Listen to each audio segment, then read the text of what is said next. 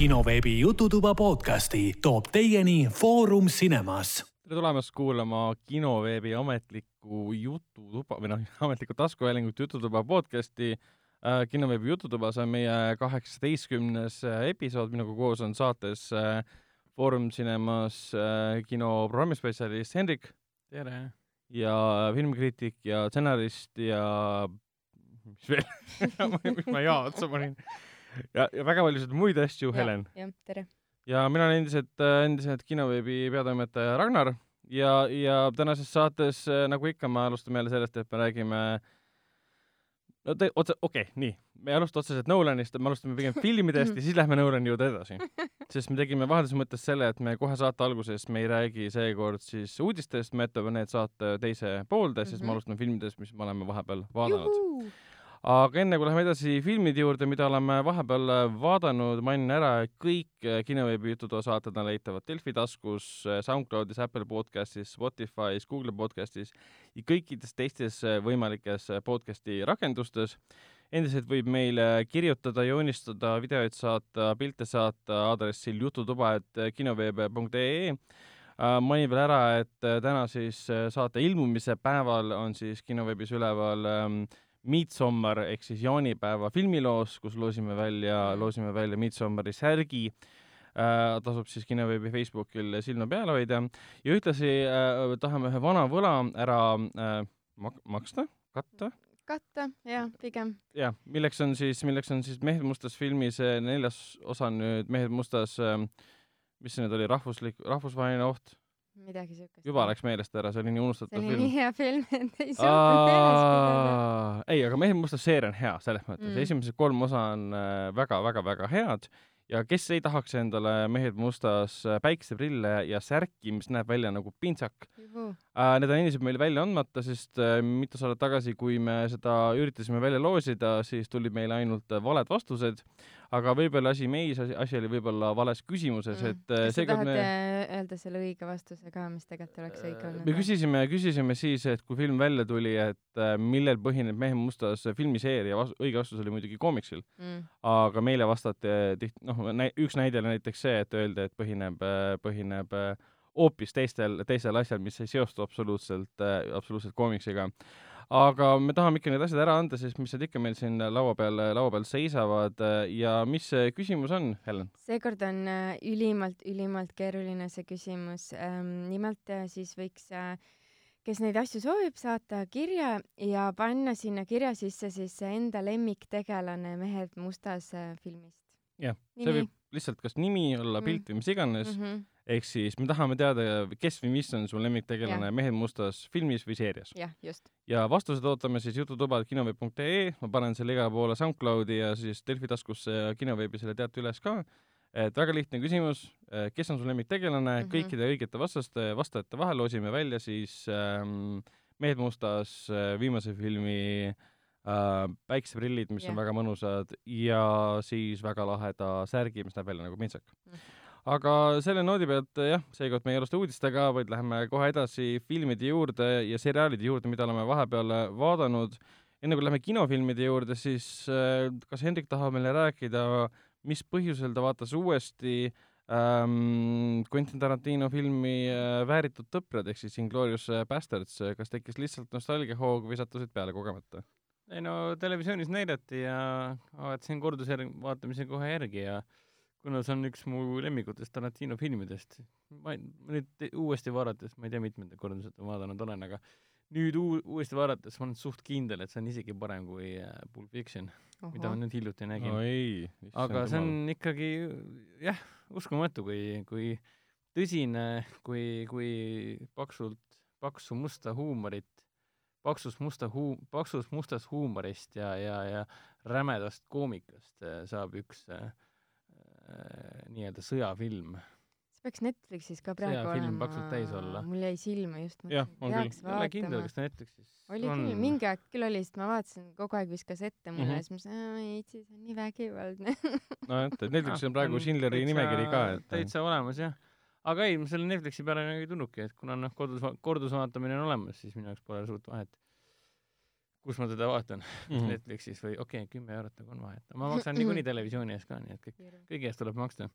aga ei, jätkuvalt äh, lemmik Tarantino ja üldse lemmik äh,, lemmik, üks lemmikutest sõjafilmidest ja lemmik Brad Pitti äh, tegelaskuju ja, ja muidugi Christoph Waltz teeb siin oma tõeliselt vapustava rolli, mis muidugi sai talle parajaks kirstunaelaks. selles mõttes, et Hollywood ei mõistnud pärast seda rolli mitte ühtegi teist rolli talle enam anda, mis ei sarnaneks äh, Hans Landa tegelaskujule. ehk siis noh, Krist-, Krist-, Christoph Waltz muu, muud vahepeal ei teinud, kui lihtsalt mängis pahasid tegelaskujusid Mm. aga ta on üliandekas näitleja ja, ja nagu Melanie Laurent ja, ja Diane Kruger nagu, ta teeb väikse rolli, aga lihtsalt ta on nii äge siin, täiesti metsas, ma tahaks, eriti siis, kui ta seal äh, see pärast seda Mexican shootout'i, oli Mexican shoot, ei, Stand-off. Mexican standoff'i. Äh,, saab seal selle kuuli jalga ja siis nad seal kuulavad teda üle. Ja mismoodi ta sisistab seda, et the Führer is coming to the party, et see on, ta lihtsalt nagu vapustav lihtsalt noh, ja, ja nagu ja see ka, et nagu Tar- Tarantino lihtsalt ei teinud hinnaalandust, et kõik on sakslased, kõik on prantslased, et siin kõik autentsed näitlejad on valitud, ei ole olemas niisugust asja, et tuleb keegi ei tee mingi mingit fake accent'i Mhm. jaa, et ei ole mingi briti, kes tuleb siin kobisema saksa keeles midagi. et ainukene britt, kes räägib vales keeles, on äh, Michael Fassbender, aga tema oli ju briti agent, kes pidigi rääkima vales keeles Mm. mm.. ja sa- saatis kõik surma ka nii-öelda mm Mhm. -hmm. tänu oma oskamatusele olla sakslane. mis on ka väga märgiline, sest ta pärast mängis uuesti sakslast, noh, nii-öelda Erik Lenscher'i X-meestes. ah, õigus jah, ja, ja, ja, ja, ja, issand, see Blasters oli kaks tuhat üheksa. jah, Inglourious Blasters oli kaks tuhat üheksa. ehk siis see oli see äge aasta, kui tuli välja ka ju siuke tore asi nagu äh, District Nine. ehk see, ma mäletan, ma mäletan seda aastat, kui ma seda kinos käisin mul on see ikka veel vaatamata. Oi ma, ma ei issand. tea, miks District Nine, jah? jaa. Vau, kümme korda olen hoogu võtnud, ikka ei ole selleni Netflixis jõudnud. olemas. see on jah harukordne, harukordne film, et äh, samamoodi hu kusjuures- huumor ja, ja tõsine ulme käsikäes. selle, selle Neil Blomkampi järgmised kaks filmi Chappi ja ja Elysium ja Chappi on täitsa olemas Chappi on üliäge jaa, Chappi mulle väga meeldis. ma pole uuesti ammu vaadanud, aga Elysium oli suht siuke kahvatu. Seda ma ei mäleta. aga kahju, aga vaata kindlasti ära no esimesel võimalusel. jaa, District Nine on ikkagi tema parim asi, mis ta teinud on. jaa, okei. nagu kuidas nagu tollal räägiti, oi, mis ta oli, mingi kolmekümne miljoniga tehtud või? Mhm. ja, et mingi kõva Pete- Peter Jackson, Peter Jackson blockbuster oli indie film ja. Peter Jackson oli veel produtsent ja puha ja räägiti sellest, on jah, kolmkümmend miljonit, nii väikse rahaga tehti nii suur film, et noh, kolmkümmend milli eelarve ja kakssada kümme miljonit teenis tagasi, et noh, seda noh, muidugi öeldi, et on suur eelarve sellepärast, et kõik see motion capture tulnukad nägid kõik nii head välja, efektid olid no, täpselt vapustavad. ja, ja mis film sul on, et pluss noh, teine asi ka see, et issand jumal, ma läksin praegu Tarantinost Blomkampi peale. aga no vahekokkuvõte lihtsalt sellega, et no miks see film oli eriline, ta ju ülihästi kasutas seda viral kampaaniat ka ära Mm. tekitas ka müstika, et inimesed, ajas inimesi segadusse, igal pool olid need what is District Nine ja mis, mis on District Nine'is peidus ja inimesed olid segaduses, et kas ma nüüd loen fiktsiooni või see on mingi päris asi kuskil Mm. et inimesed olid segaduses. et see oli see aeg, kui kasutati väga palju seda viralit, nii-öelda krüptilist viralit Mm. ja, ja Blomkamp ise ka paras käsitöömeister eriefektide alal ja see oli tema esimene täispikk film ja ta noh, pani kõik selle, mis ta oli aastate jooksul oma lühifilmidega ennast arendanud, ta pani kõik selle mängu ja see töötas väga hästi. no filmi peaosas siin polnud mitte kedagi peaosas tegelikult nagu.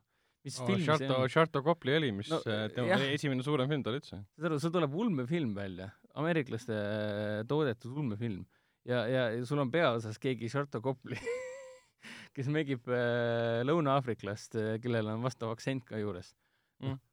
siin, siin ei ole Charlize Theron'i peaosas. Copley vist ise oligi Lõuna-Aafrikast pärit või? jaa, jaa, ta on Jaa. Jan Joburgis sündinud, kui ma nüüd ei eksi mitte. ainult, see film suutis ju põhimõtteliselt nii-öelda Lõuna-Aafrika sotsiaalpoliitika ajaloosele No nagu poliitika täpselt. sisse panna ka veel filmi. et alles järgmisest pani Matt Damoni Elysiumisse ja siin Chappis oli ka ju Hugh Jackman, Sigourney Weaver ja seesamune Dev Patel, et noh.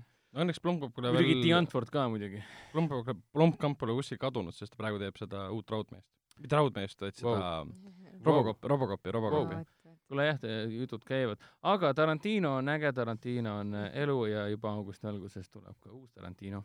mis on äh, juttude kohaselt tema eelviimane film, sest väidetavalt äh, see hoiatus, mõni aasta, mõne aasta tagane hoiatus, et ma teen kokku kümme filmi, vastab tõele et nüüd ta räägib jälle meedias sellest, et eks ta, eks ta minu teada nagu iga, iga paari aasta tagant räägib, kui uus film hakkab välja tulema. jaa, ma olen ka kuulnud ja tähele pannud seda. Ta ei ole nagu nii vana ju, et nagu pensionile minna, et ta on mingi, ma ei teagi, kui vana ta on um,, aga võib-olla ta tunneb, et ta on ära öelnud kõik, mis tal öelda oli. vaevalt. ma ei tea. või tahab ta, ta, võib-olla mingi jutt oli ka see, et tahab pigem olla siis ähm, teatris töötada ja teatrit lavastada, teatrit kirjutada. noh, okei okay.. ta on või siis tehku viiskümmend kuus. noh. Ta alati on ka see võimalus, et ta läheb, hakkab seriaale tegema ja mis iganes. ah jaa, muidugi, nii mõnigi, vaata kõigepealt oli see, et filminäitlejad hakkasid äh, kellel ei olnud nagu mingeid häid rolle või pakkumisi, läksid seriaalidesse. nii, siis nüüd vahepeal said seriaalid kõik nii populaarseks ja nüüd on see, et just äh, ongi see, et, et seriaal on kõva siis, kui mingi suur filmistaar on, et mm -hmm. võib-olla ta tõesti nagu leiab ennast ühel hetkel seal suurte filmistaaridega mingit äh, väikest seeriat tegemas. nojah, see poleks, see poleks jah esimene kord, kui tema nagu kaliibriga reisijal seda mm -hmm. teeb, et mingi Spielbergid ja, ja David Fincherid ja kõik juba teevad yeah. seriaale, et ja on pikalt juba teinud neid ka yeah et äh, temal tuleks hästi välja või, või siis ei tule üldse välja, hakkab yeah. uuesti filmi tegema, sest ta avastab, et ja siis saab aru, et mm. aa, mm, okei okay,, ma ei oska teha normaalseid filme nagu tükkideks jaotatuna. Yeah.. Äh, kuigi ta nüüd praegu harjutab kätt sellega, et põhimõtteliselt monteerib Netflixi jaoks ümber oma ja, Django siis ja siis Hateful Eighti põhimõtteliselt miniseriaaliks, mitmeosaliseks filmiks nii-öelda aga no vaatame edasi. Äh, meie oleme siis Hendrikuga vaadanud veel ka Stranger äh, Thingsi, minul on Stranger Things praegu selle kolmas hooaeg, siis on praegu neljanda osa juures pooleli. viienda osa algust ma olen vaadanud, Hendrik on selle kõik ära vaadanud, see tuli nüüd möödunud nädala neljapäeval Eesti Netflixi. tuli välja, ma olengi seda siis äh, neljapäevast saadik vaadanud. kinoveebis on arvustus olemas sellest, äh, kus autor kiitis seda taevani mina oskan ka praegu ainult kiita, sest esimese nelja osa põhjal ta meeldib mulle oluliselt rohkem kui teine hooaeg, mis veits tundus umbes niimoodi reaktsioon esimese hooaja edule. et nad tegid esimese hooaja ära, sellest sai maailma kõige edukam seriaal, kõik teadsid, mis see on tegelikult kujunesid mingiteks, no mm -hmm. kujunesid väga suured fänniarmeed neile ja siis näiteks mingi äh, läks Tafferi vendade juurde, oh, lihtsalt mõelge kähku lugu välja, meil on vaja teine hooaeg ära teha. et teine hooaeg küll tegelikult arutas seda nii-öelda mütoloogiat, mis puudutab seda põhiantagonistlikku koletist ja kõike seda ja tegeles ma ei ole näinud seda veel muideks äh,. ma ei spoileri mitte midagi okay.. aga ta ei olnud üldse halb, selles mõttes oli mõni episood, mis tundus ebavajalik, aga pigem teises hooajas oli mõni episood, mis ilmselgelt tehtud planting järgmiseks mm. hooajaks ja siis ta tuleb tagasi põhimõtteliselt. ei no teine hooaeg nagu kannatas siukse vana hea klassikalise teise osa sündroomi käes. niisugune, see kõlab nii kahtlaselt või kuidagi no, võtame kas või, mis on hea teine osa, mis läks käest ära, et no paljud räägivad Matrix kahest muidugi ja et kui sul on väga tugev esimene, siis tehakse järge ja, ja siis öeldakse kohe, et sisuliselt on kuidagi laialivalguv, pole enam seda mm. kontsentreeritust mm. ja siis öeldakse, et tegelased ja kõik on nagu setting, et kõik nagu töötab, aga samas sisuliselt nagu Läheb ja. nagu lappama, ei ole enam päris seda. see, mul tuli meelde ka ühe siuke film nagu Divirgent, mis see eesti keeles oli? lahkulööja. jaa, lahkulööja, vot see oligi see, et noh, ta oli küll suht rip-off äh, Hunger Games'ist, aga mulle nagu täitsa meeldis, mulle meeldis see äh, Woodley, mis ta nüüd on Sh? Shailene Woodley. jah, ja siis äh, ta oli nagu siukene uus nägu ja jumala äge ja, ja siis ka see esimene osa, aga noh, ta oli natukene teistsugune esimene osa oli siuke võimas ja siis tuli teine ja see teine oli nihuke mm., nii igav, mida ja nii, et kolmandat, kui see oli, või neljas, mis iganes, neid osasid ma isegi ei vaadanud enam, et äh, üldse, üldse ei tõmbanud. noh, sa oled ainuke, kes seda arvas, sellepärast et see seeria pidi saama veel viimase osa ah, kinodes. jaa, ja see pidi otse siis minema eee, TV-sse, aga ma ei tea, kas ta jah. valmis saigi üldse. siiamaani jut, juttu sellest enam ei tehta mm. absoluutselt. ilge äh, pläust näeb keegi. näitleja on ammu edasi liikunud. Crash'is ja Burnis täielikult. sest Shailene Woodley istub praegu selles HBO seriaalis mm. Big Little Lies või mis see on. jah, mingis Lies. jah, ja naudib oma totaalset edu, sest ma olen aru saanud, mida pole küll vaadanud seda, et see on suurepärane seriaal. sellest ma vist vaatasin ka kogemata televisioonist selle Little suured, mis see eesti keeles on? väikesed valed. suured väiksed valed või mis ta oli? suured valged valed. või oli valged, ma ei mäleta, mis eestikeelne tõlge oli, aga ma ei mäleta, kas ma vaatasin, kas oli esimene osa või oli see mingi suvaline osa, aga hästi põnev oli no selles suhtes väga, väga okay. kvaliteetne draamaseriaal, et siuksed pinged, pinged inimeste sees ja pilkude taga, siis see oli väga hästi, tundus, et väga hästi kirjutatud asi Mm. seal on ka, mis näitlejad, seal on ka vist Jaa, äh, suured, Ni- Nicole äh, Kidman ja ja kindlasti. Witherspoon vist on ka seal. Witherspoon on seal põhitegelane isegi. jaa, jaa, ma mõtlen jaa, et see on ikka A-klassi näitlejate mm -hmm. Jah. staaripidu on seal. aga sama A-klassi äh, staari näitlejate nagu staarnäitlejate pidu peoks saab nimetada ka Stranger Thingsi, sest Mm. kolmas hooaeg ja nüüd lihtsalt jaa äh, muidugi need.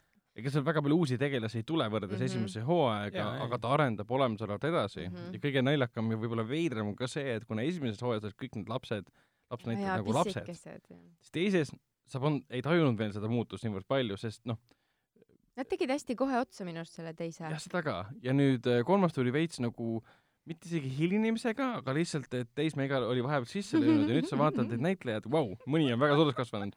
Ja sa kohe näed ära, et mõni laps eh, ei oska näidelda enam või? ei ta oskab küll, aga mõni laps ei kasva, kasvanud vahe, ei muutunud okei, niivõrd okei, palju okei, vahepeal, aga mõni on jälle muutunud, hääled on jämedamad. ja see, see seriaal kasutab, seriaal kasutab seda räigelt muidugi ära ka, et okay. meil on teismelised, meie tegelased on teismelised, ja seal on sellised armukolmnurgad tekkinud ja kõik Mm. sellised teemad, et ähm, äh, noored, kes vanasti veetsid aega Dungeons and Dragonsit mängides, omavahel koos aega veetes, enam pole aega, sest kõigil on neiud umbes niimoodi Oo. muud huvid ja hobid tekkinud, kõik hakkavad nagu suureks kasvama.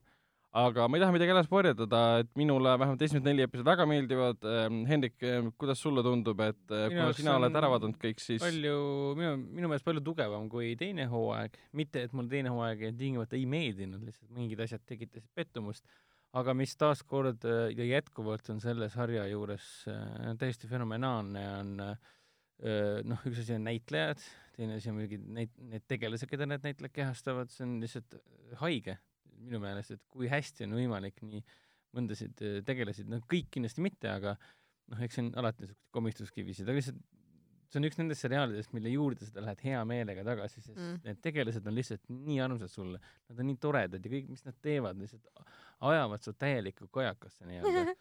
kolmandas hooajas siin, ma ei tea, see oli vist kuues episood või seitsmes episood, lihtsalt see on, mõni tseen on lihtsalt nii hirmus naljakas, eriti just nende tegelastega, kes äh, esimeses hooajas või teises hooajas olid pigem äh, noh, negatiivsed või siis nad olid hoopis teistsugused nii-öelda, nad ei olnud Mhm. üldse peategelased. ja nüüd järsku on muutunud nagu olulisteks tegelasteks.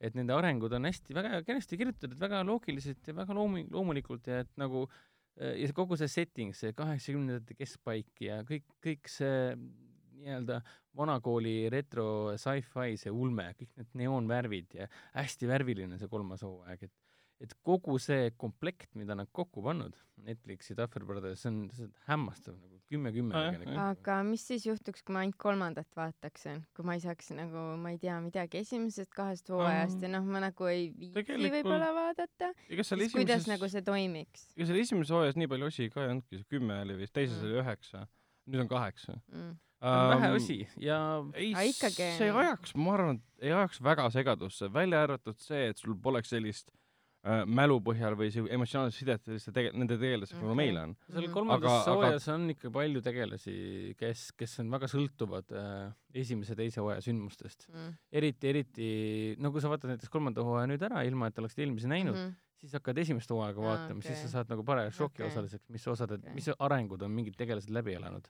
jah, sest seal Ja on noh. mõned nagu taustsüsteemid, mida üldse ei selgitata. ja kogu Aa, ja sul võib tekkida kogu aeg küsimus, et miks see tegelane niimoodi käitub mm, Mhm. -hmm. miks tal on nii, ütleme, reeglid peal umbes mm, -hmm. et sa ei tea, Mhm, miks, sest te- keegi seda ennem ei Mhm. käsitle, sest see on ammu ära tehtud juba. jah, täpselt ja nagu no kuna Eleven ehk siis Millie Bobby Brown on kõige tähtsam tegelane nii-öelda, siis tema areng on kõige, kõige pöördelisem, pöördelisem olnud. et nüüd kolmandas hooajas ta on juba, politseinik, politseinik Hopper on ka väga-väga oluline, David Harbour mängib teda. ta on siin kolmandas hooajas on tõesti fantastiline tegelane. või mul on veits tunne, et kuna David Harbour oli sama näitleja, kes mängis Hellboy's äh, seda Hellboy'd, ah, see okay. uus Hellboy mis oli äh, väidetav, et noh, mitte väidetav, oligi nii halb, et ta lükati USA Amazon Video Prime'i kohe põhimõtteliselt, kui ta oli kinodes ära välja tulnud. Aga mulle tundub, et ta on üsna sarnane sellele rollile, mis ta oli seal, sellepärast et Hellboy's ta kogu aeg röökis ja ropendas. Stranger Thingsi kolmandas hooajas ta küll ei ropenda, sest see ei ole selline seriaal, Mhm. aga ta on ülimate nagu vihaprobleemide all kannatav tüüp. ta on väga meeldiv tegelane, aga ta kogu aeg vihastab iga väikse asja peale, ta on väga armukade. ta joob palju, ta suitsetab palju, mida see heideti hiljuti yeah. mingite organisatsioonide poolt Mhm. Netflixile ette ka, mis minul tekitab küsimuse, oota, meil on kaheksakümnendate äh, USA väikelinn ja me ei tohi näidata suitsetamist mm., et nagu alaealised suitsetavad ja kõiksugused asjad, et me nagu mõne asja juures ma saan aru, et see on ju fiktiivne seriaal, kus on Mhm. ulmelised elemendid, aga see ei vabanda välja, et me peaksime need asjad välja võtma, et Mhm. nagu eitada seda, et kunagi olid, oli suitsetamine nagu ma ei tea, õhu hingamine või? et me ei, me ei tohiks nagu minevikku eitada selle koha pealt.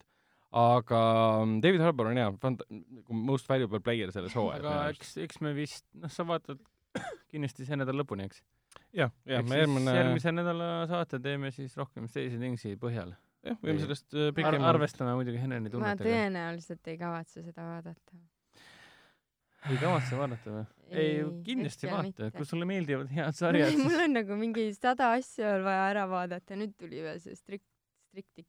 jaa, aga District Nine. Helen, Helen, Helen. Helen, Helen, Helen, Helen. Kui sulle meeldib äh, hästi kirjutatud stsenaariumid, oh kui sulle meeldivad põnevad tegelased, sulle meeldib siukene mõnusalt, poisid. ei, siin on kõik alaealised Aa., ära rohkem siukseid asju ütle seal mõni tegelane on äh, täisealine ja siin üks tegelane on Ja- Ainult ja- üks.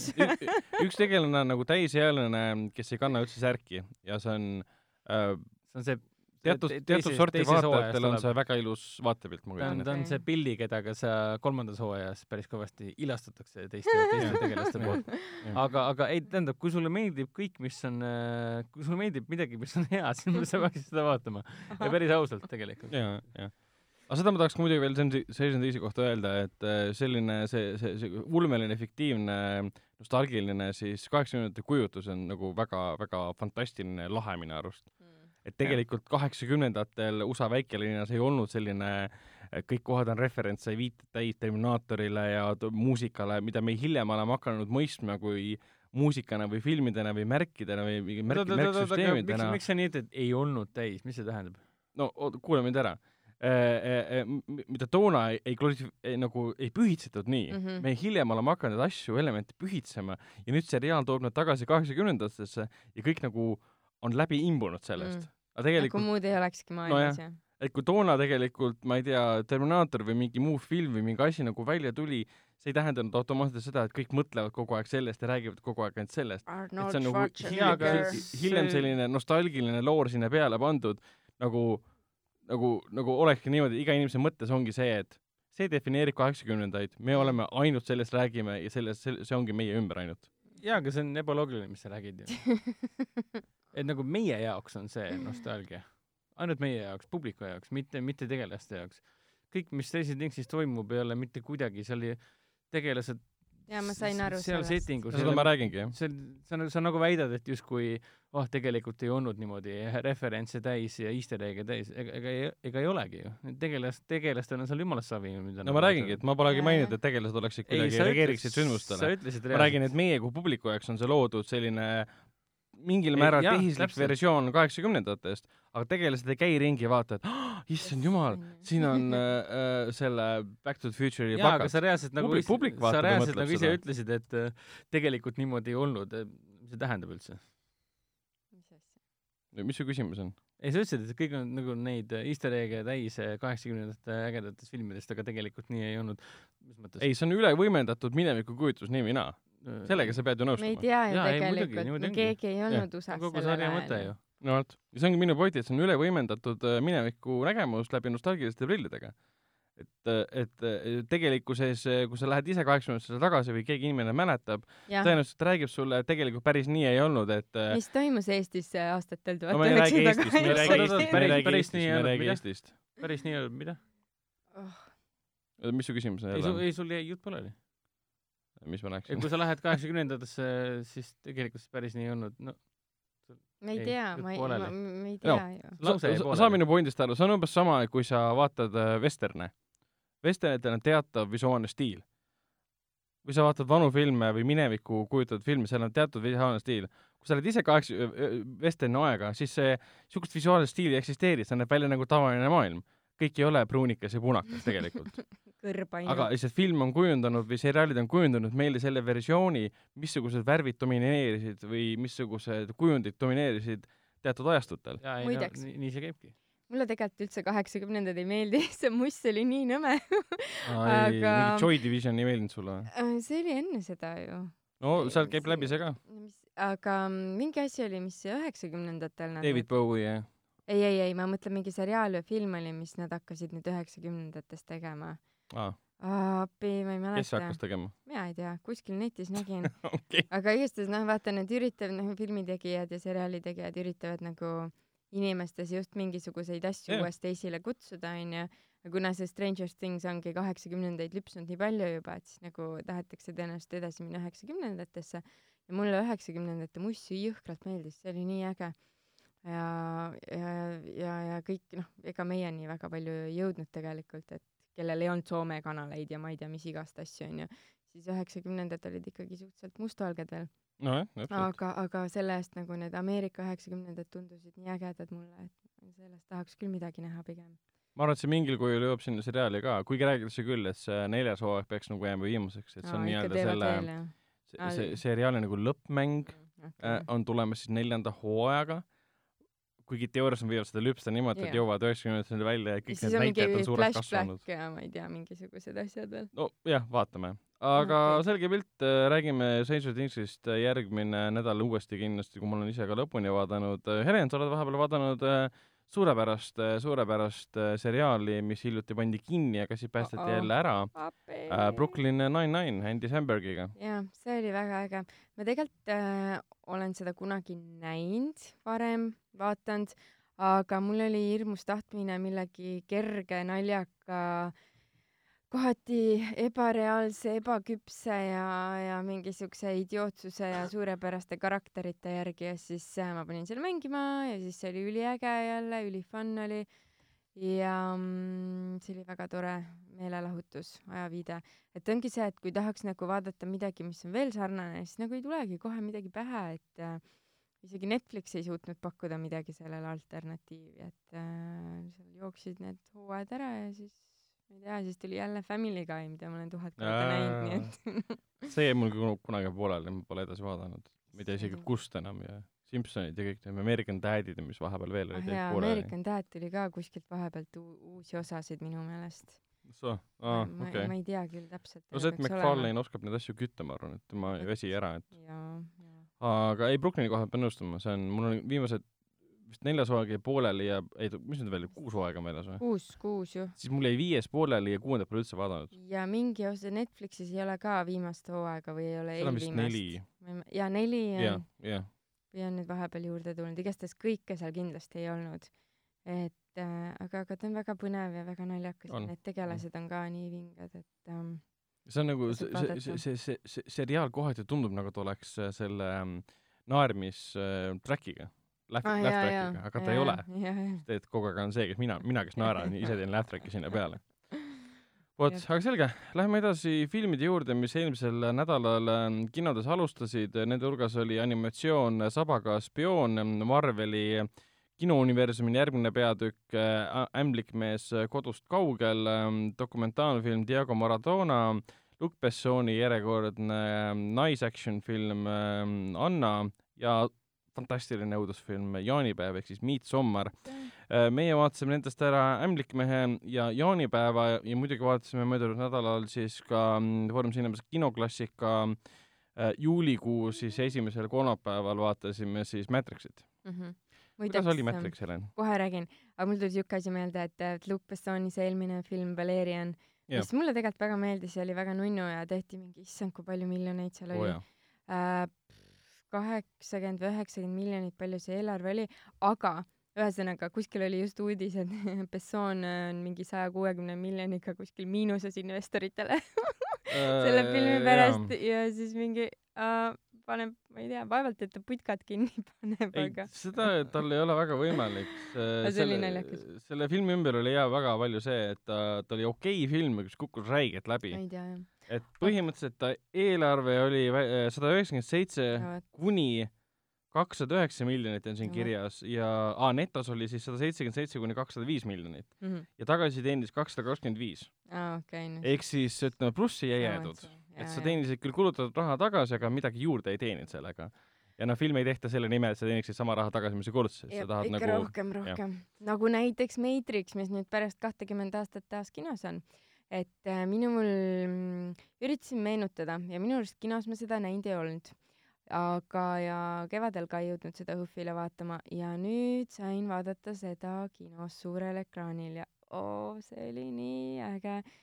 see oli mm, puhas nauding kõik see aeg, et ähm, kõigepealt on jube äge see, et Keanu Reaves on niisugune noor, oo jah, mis on nagu hästi-hästi kummaline, siis ähm, kõik need asjad, mis äh, ühel hetkel kõvasti meemideks said, mingi kas sinine või punane pill ja siis see katusel see wow. ja, ja katusele ja, ja kõik need ähm,, no mis seal veel olid, kõik äh, igasugused ähm, need ähm, päris maa, noh, ehk siis äh, aa jaa, jaa, jaa. äh, Matrixist väljas olev tegelik reaalsus äh,, seda oli päris äge vaadata, muidugi noh, seal jälle siis hakkad mõtlema nagu, kui on liiga kaua aega mõelda, et ähm, kust nad siis riideid said või kuidas nad siis nagu kõik noh, siuksed hästi lollid küsimused, mida no, tegelikult, tegelikult otseselt nagu selle filmi puhul sa nagu ei mõtle või et ei hakka mõtlema või et ei hakka nagu norima või noh, see, nagu ei ole nii oluline. et äh, kõik see muu selle ümber on nagu nii vinge. aga, aga jaa, see, see oli täiesti. riideid, ma arvan, et seal äh, kooti, kooti Zionis, kuhu esimeses osas Aa, kordagi ei äh, mindud, et äh, kapten Jaa, sai jaa, sinna jaa. sisse oma koodidega, mida siis mm -hmm. Schmidt ta- tahtis ja Mhm. siis vahepeal ilmselt toodi, toodi sealt riideid. oli head ja paremat. et ma ei tea, kuidas on, kus sa nagu lõnga saad ja kõike seda. jaa, seda ma mõtlesingi. aga võib-olla neil on siis, kuna Zioni põhimõtteliselt eluolu meile järgides kunagi ei tutvustatud Mm-mm. otseselt, jah, neil võis seal olla mingi tehas, kus nad Jaa. kasvatavad võib-olla äkki nad kasvatavad neid roboteid ka kuidagi äkki kasvatasid lambaid seal ka, täpselt jaa, äkki robotid mm. -hmm. robotid pandi lam- äh,, mitte lambaid looma, aga siis Mhm. li- lõngalooma või villalooma või mis iganes. ühesõnaga, see nagu noh, teatud asju nagu ei saa mõelda, et, et seal on ikkagi kõige olulisem on see peategelase äh, teekond, kus ta siis äh, läbi, läbib katseid ja iseendaga silmitsi seismist ja kõik need asjad ja ja värvid on jube ägedad ja kõik need, mis äh,, kuidas seal nagu kadreeringud tehtud, et kus nagu näitlejad seisavad, mille keskel, kelle vastas, kuidas. ma mäletan, et mingi teema oli ka nende prillidega äh, kuskil, kus olid need Matrixi igasugused mingi, ma ei tea, kümme asja, mida sa Matrix ei teadnud ja siuksed asjad, et kuidas neid peegeldusi tehti ja, ja kuidas need tegelikult teatud mõt-, teatud asju ei peegeldanud ja siis pidid mingid spetsprillid tehtama ja kõik mingisugused Äh, siuksed teemad. jaa, üks, üks asi oli küll, kui, kui Morpheus esimest korda tutvustab siis äh, Neole ehk siis Mr härra Andersonile siis ähm, mis juhtus nagu maailmaga mm, mm. -hmm. olles selles construct'i sees, mis on see valge ruum mm -hmm. Seal on küll see, et sa vaatad konstantselt, kuidas Morpheus äh, päikeseprillid peegelduvad. Mm -hmm. sealt peegelduvad vastu siis äh, Neo ise ja kogu see ruum ise, kõiksugused mm. -hmm. asjad, need kaks tugitooli, mis seal on, see telekas.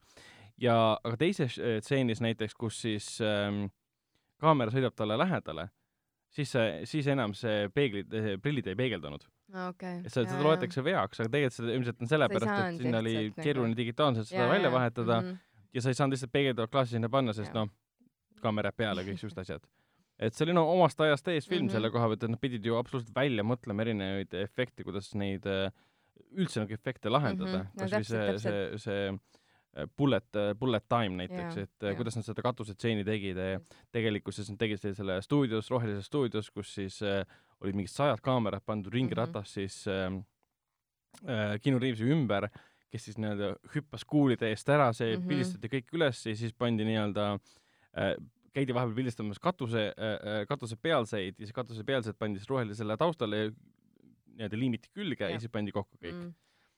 ja teine asi ka oli see, et see oo, lateks, hull teema oli see Mm, lateks on mm, mingi mm. oo, mingi ka hõlmad lahti ja mingi latekspüksid ja pluusid. see, see, ta, ta, ta, kas ta oli just esimene film, mis muutis Suht, nagu suht päikeseprillid päi-, öisel ajal ja, ja siis lateks ja siis nahkriided nagu lahedaks või? jah, minu arust küll, et enne seda nagu ikka nii väga, see oli pigem kuskil tagatubade teema, mitte jah, no igapäevane. seal oli küll see teema sees, et see esimene klubitseen tegelikult filmitigi päriselt SN, SM siis äh, klubis. okei, okei, ja said seal äh, lo- loa filmida, et äh, seal filmis on väga palju erinevaid äh, detaile, mis nagu nüüd paistavad silma mm, -hmm. Mhm. et kasvõi see mm, rongi metroojaama siis võitlus Neo ja siis Smithi Mhm. vahel. seal ühes kaadris on näha, et kus Smith hakkab lööma Neod, aga Smithi rusikas tabab siis betoonist posti. mm. -hmm. enne, kui rusikas maandub vastu betoonist posti, mis puruks läheb osaliselt, on näha selles kohas mm, Mhm. -hmm. kuhu käsi peaks maanduma, et see koht on eraldi nagu välja toodud. see on nagu vaata, kui sa vaatad vanu videomänge, Mhm. teatud kohad videomängude siis mm, disaini äh, koha pealt sa saad aru, et need kohad on nagu välja ehitatud mm, -hmm. et need on aktiivsed, et sa saad juurde minna. seal oli põhimõtteliselt sama efekt kohati tunda Mm. mm.. aga noh, see, see ei ole otseselt viga, sest noh me saame aru, miks see niimoodi tehti. Ja siis see, see stseen ka, mis ähm, noh, kuskil keskpaigas, kus siis äh, Neo nii-öelda äh, aktsepteerib, et ta on äh, väga tugev ja ülim ja võimas ja siis, kui ta hakkab selle Mr Smithiga võitlema, ta nagu ühe käega temaga võitleb, vaata mm Mhm, -hmm, mäletad mm, -hmm. mhm. et ta seisab nagu küljega ja siis ta nagu võitleb ühe käega, aga see oli nii-öelda mm, improviseeritud äh, teatud mõttes stseen, sest Keanu Reaves äh, murdis enda käe ära Ah, või teadnud. või, või, või vigastas õlga või ühesõnaga ta ei saanud nagu teha seda action'it nii, nagu ta oleks pidanud ja siis, siis nad lavastasidki selle ümber niimoodi, et ta võitleb see oli tõenäoliselt. see kaelavigastus. mingi vigastus oli, ma ei mäleta, mis see, see oli, see aga oli see jaa, kaelavigastus, tänu millele see Chad Stahelski, John Wicki tegi, režissöör sai üldse tulla Keanu Reavesi stunt-double'iks. no vot, see peaks olema see kurikuulus kaelavigastus. Siis see oligi see, et lükati kõik edasi. ja, ja siis äh, ma hakkasin, noh, vaatasin seda stseeni just selle mõttega, et et sa tead, et tegelikult äh, Keanu ei saa nagu liigutada õietigi ennast, onju, ja et ta on vigane, aga, aga lihtsalt see nagu tegi temast nii võimsa Nojah, ja see jah, nagu täpselt. oli nii, et see vau oli see. nagu totaalne vastandus sellele, kes ta Jaa, enne oli, enne jaa, pidi täpselt, kõik täpselt. absoluutselt kasutama, et võidelda agent Smithiga mm. -hmm. ja pärast on seda, et tal isegi näolihas ei muutunud mm, -hmm. lihtsalt vaatas mm. -hmm. enda ette vaikselt, üks käsi vaevu liigub Jaa, samal ajal, kui Smith on see, kes rabeleb, vaata. et selle koha pealt jah, täiesti täiesti vahet pole, et käsi oli murtud, aga asi mut-, või noh, kael oli murtud siis või kael vigastada saanud. miski teema oli igastahes jah. aga jah, suurel ekraanil vaadates minul esimest korda siis nii suurel ekraanil kui iSense, siis äh, märkasin ühte detaili, mida ma polnud kunagi varem näinud ja ma rääkisin sellest pärast kino ka ja selleks oli see kaader, kui Cypher on just ära tapnud seal ähm, Dozeri ja siis ähm, Tank toob nad tagasi äh,. kui Mhm. Cypher, vaata Cypheri reetmise tseen oli, eks. ja siis seal on üks kaader, kus äh, nad on valmis põhimõtteliselt enne seda, kui nad on valmis Morpheus nagu välja lülitama, et päästa ta Smithi käest, siis ühes kaadris vaatab, vaatab ähm, Trinity, vaatab neid laebakotte või siis riietega kaetud laebakotte. ja minu arust ma ei mäleta, et ma oleksin kunagi varem seda kaadrit näinud. ja see on hästi kiiresti mööduv, see kestab mingisugune kaks-kolm sekundit. see oli hästi-hästi ja põhimõtteliselt ta vaatab ja siis pöörab ümber, ma ei mäleta, kas seal oli lõige või oli kaamerasõit, siis me näeme, kogu tegevus läheb edasi mm. -hmm. Ja see on võib-olla siuke lahe detail, mida sa tõesti ei märka kodus vaadates. jaa, ongi, see oli sul nii on- tume ka see koht onju. ja ta oli tume ka täpselt jaa, kus kuvasuhted on teistsugused või mis iganes su kodus telekas, mis iganes. ja see on lahe, noh, kino, kinos vaata, vanade filmide kinos vaatamine ongi sellepärast lahe, et sa märkad mingeid asju, mida sa kunagi varem ei märganud. ja üks asi, millest ma tahaks veel rääkida, me tegelikult ei ole kuigi palju üldse rääkinud filmimuusikast aa, või soundtrack idest, tegelikult. Ei ole jah. aga selle filmiga ja selle soundtrack'iga on minul siukene väga isiklik kuidagi teema, sest ähm, äh, mingi osa soundtrack'ist äh, tegi äh, selline mees äh, nagu Rob Dogan Mhm. ja see oli vist Club to Death oli see Matrixi põhisoundtrack ja Furious Angels äh, oli mingisugused teised, mis äh, neid väga palju seal ei kõlanud äh, ja mingit muusika oli ka pärast lõpus su- subtiitrite taustal. aa, see oli Aga- selle Rage Against the Machine'i lugu. okei okay,, kuskil igastahes oli paaris kohas see, see Rob Dogani teema on ja ma mäletan, ma olin täiesti ära unustanud, mulle kohutavalt meeldis see plaat, mis ta tegi põhimõtteliselt soundtrack'iks ja nüüd mul see tuli uuesti meelde ja selle albumi nimi ongi Furious Angels minu arust peaks olema Mhm. ja see oli nii äge ja ma mäletan, ma kunagi kuulasin seda hästi-hästi palju ja ja muidugi suhteliselt masendavad Mm. mm. track'id, aga sõnad lugudel on üliägedad, ülitiibid, ülipaeluvad, siuksed, et aa, tal nagu on öelda midagi. et noh, ma mäletan Matrixi selle mm, ähm, äh, Tom Hardy, George Miller äh, Mad Max. Mad Max Fury Road, selle soundtrack oli äge, aga see oli ilma sõnadeta, see oli nagu rohkem siukene hull andmine, siukene nagu Mm. karm värk. aga, aga selle Matrixi soundtrack'i puhul on jah see, et siin kõik need ähm, meloodiad ja viisid ja see sõna aa, see oli nii äge, siis ma nüüd jälle olen kuulanud seda, ei Noh. suuda kuidagi plaati vahetada, lihtsalt see on nii äge. aga see Club to Death, jah, see on põhilugu, mida kasutati treilerites, mida Jaa, alati kasutatakse Matrixi ilmestamiseks. see on hiljem, see on hiljem saanud ka Mhm. minu teada nagu treileri lugu, mida kasutatakse te teiste treilerite puhul. see oli nagu põhiasi, millega Mhm. üldse reklaamiti, seda ma mäletan.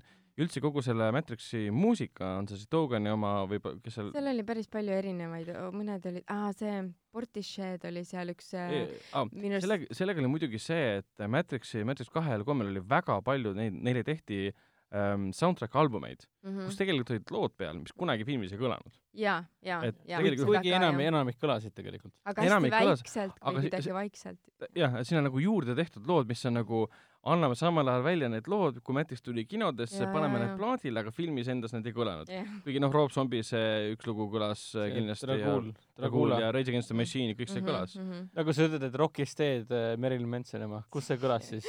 see oli See- lõpu aa, see oli lõpu. lõputiitrites Oli jah, jah? jah, Okei. aga noh, jah, ja lõputiitrid no mis siis, See ei ole mis, mis seal keskel. klubistseenis oli, kui nad käisid? aga see oligi Rob Zombie aa, see oligi jah. jah? see oli see Dragula, jaa, ja tegelikult enamus nendest sõnalistest lugudest tegelikult kõlasid lõputiitrite ajal Või siis täpselt, teatud stseenides, kus olekski Jaa. pidanud muusikat kasutama Jaa. nagu no see klubi oli aeg, kui see oli väga populaarne, kui noh, suured up and coming bändid ja artistid tahtsid kõik saada filmi soundtrack'ile ja siis need hästi Tegid palju muusikavideod. pooltasuta tõenäoliselt. Korn, Korn tegi sellele kuradi Lara Crofti teisele, Angelina. Jolie teisele osale tegi oma selle muusikavideo ja kõik selle loo nimi oli Did my time, aga Aa, filmis, filmis jaa, endas seda lugu ei kunagi ei kõlanud. täpselt, aga siis no see oli see, ma ei tea, kas praegu ka seda tehakse, kusjuures ma ei tea, ma ei ole nagu, kuna kõik on mingid anakondad ja paljad persed, siis ma ei ole nagu muusikavideosid enam aga vaadanud. praegu on see klassikalises võtmes, et noh, sellele Mehed mustas neljandale osale tehti ka mingi laul, umbes nii nagu vanasti oli Will Smith tegi mm. -hmm. see laul tõenäoliselt kõlas lõputiitrite ajal, aga ma ei teadnud, okei, sest ma okei. läksin ära. samamoodi selle mingi Alitaga, et Alita, Alita oli väga hea film, aga mm.. film hakkas välja tulema ja siis mingi Dua Lipa mis iganes see Dua Lipa on kole. nimi, õudne nagu. see, see tegi ei siis tea oma, ikka, oma, oma muusikavideo, muusikavideos on kõik väga Alita-lik ja nii edasi, siis see laulab oma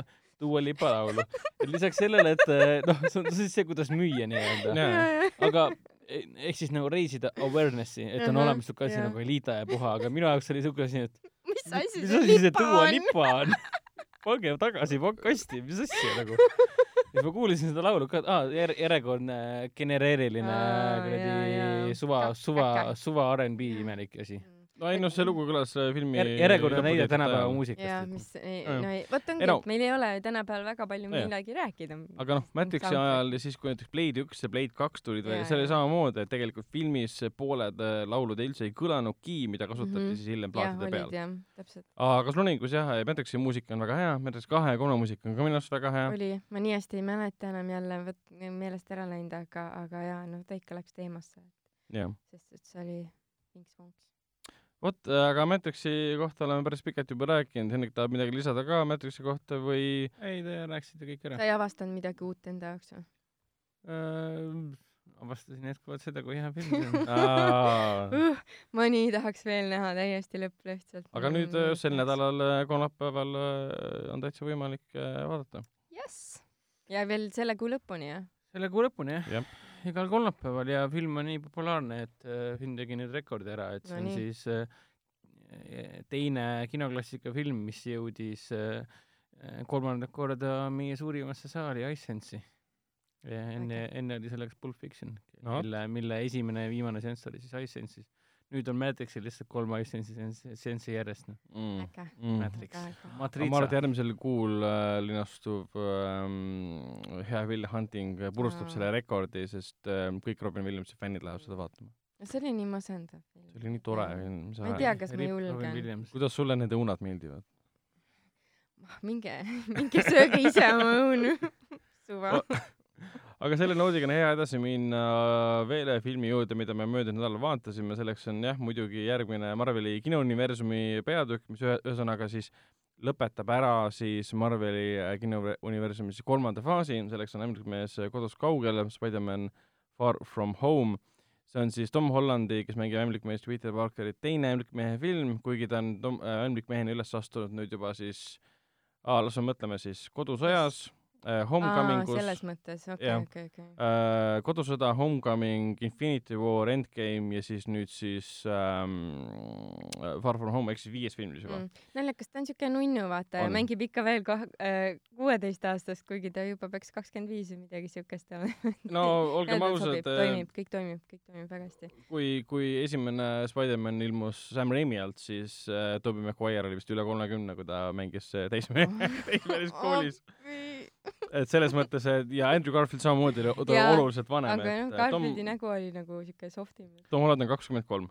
Aa, okei, siis ta Tom on Holland on kõige, kõige akuraatsem äh, jah, Peter Parker, mis me kunagi oleme kinolinal näinud. jah, et äh, kunagi ma mõtlen nagu vanuse suhtes, et ta on Aa, reaalselt selles nagu, reaalselt nagu poiss, kakskümmend kolm võib poolt mängida sul. On. filmis on mingi viisteist ei,. kuusteist oli. kuusteist, no näed, noh, Mm. et noh, vähemalt okei. midagigi, et noh, kõik ei saa olla siin. kuigi minu jaoks ta ei ole kõige parem äh, filmi mm, Spid- äh,, ämblikmees või siis Ei, Peter seda ma- Parker, et äh, parim, parim minu jaoks endiselt parim on siis ikkagi, ikkagi Miles Morales ja siis ähm, äh, äh, äh,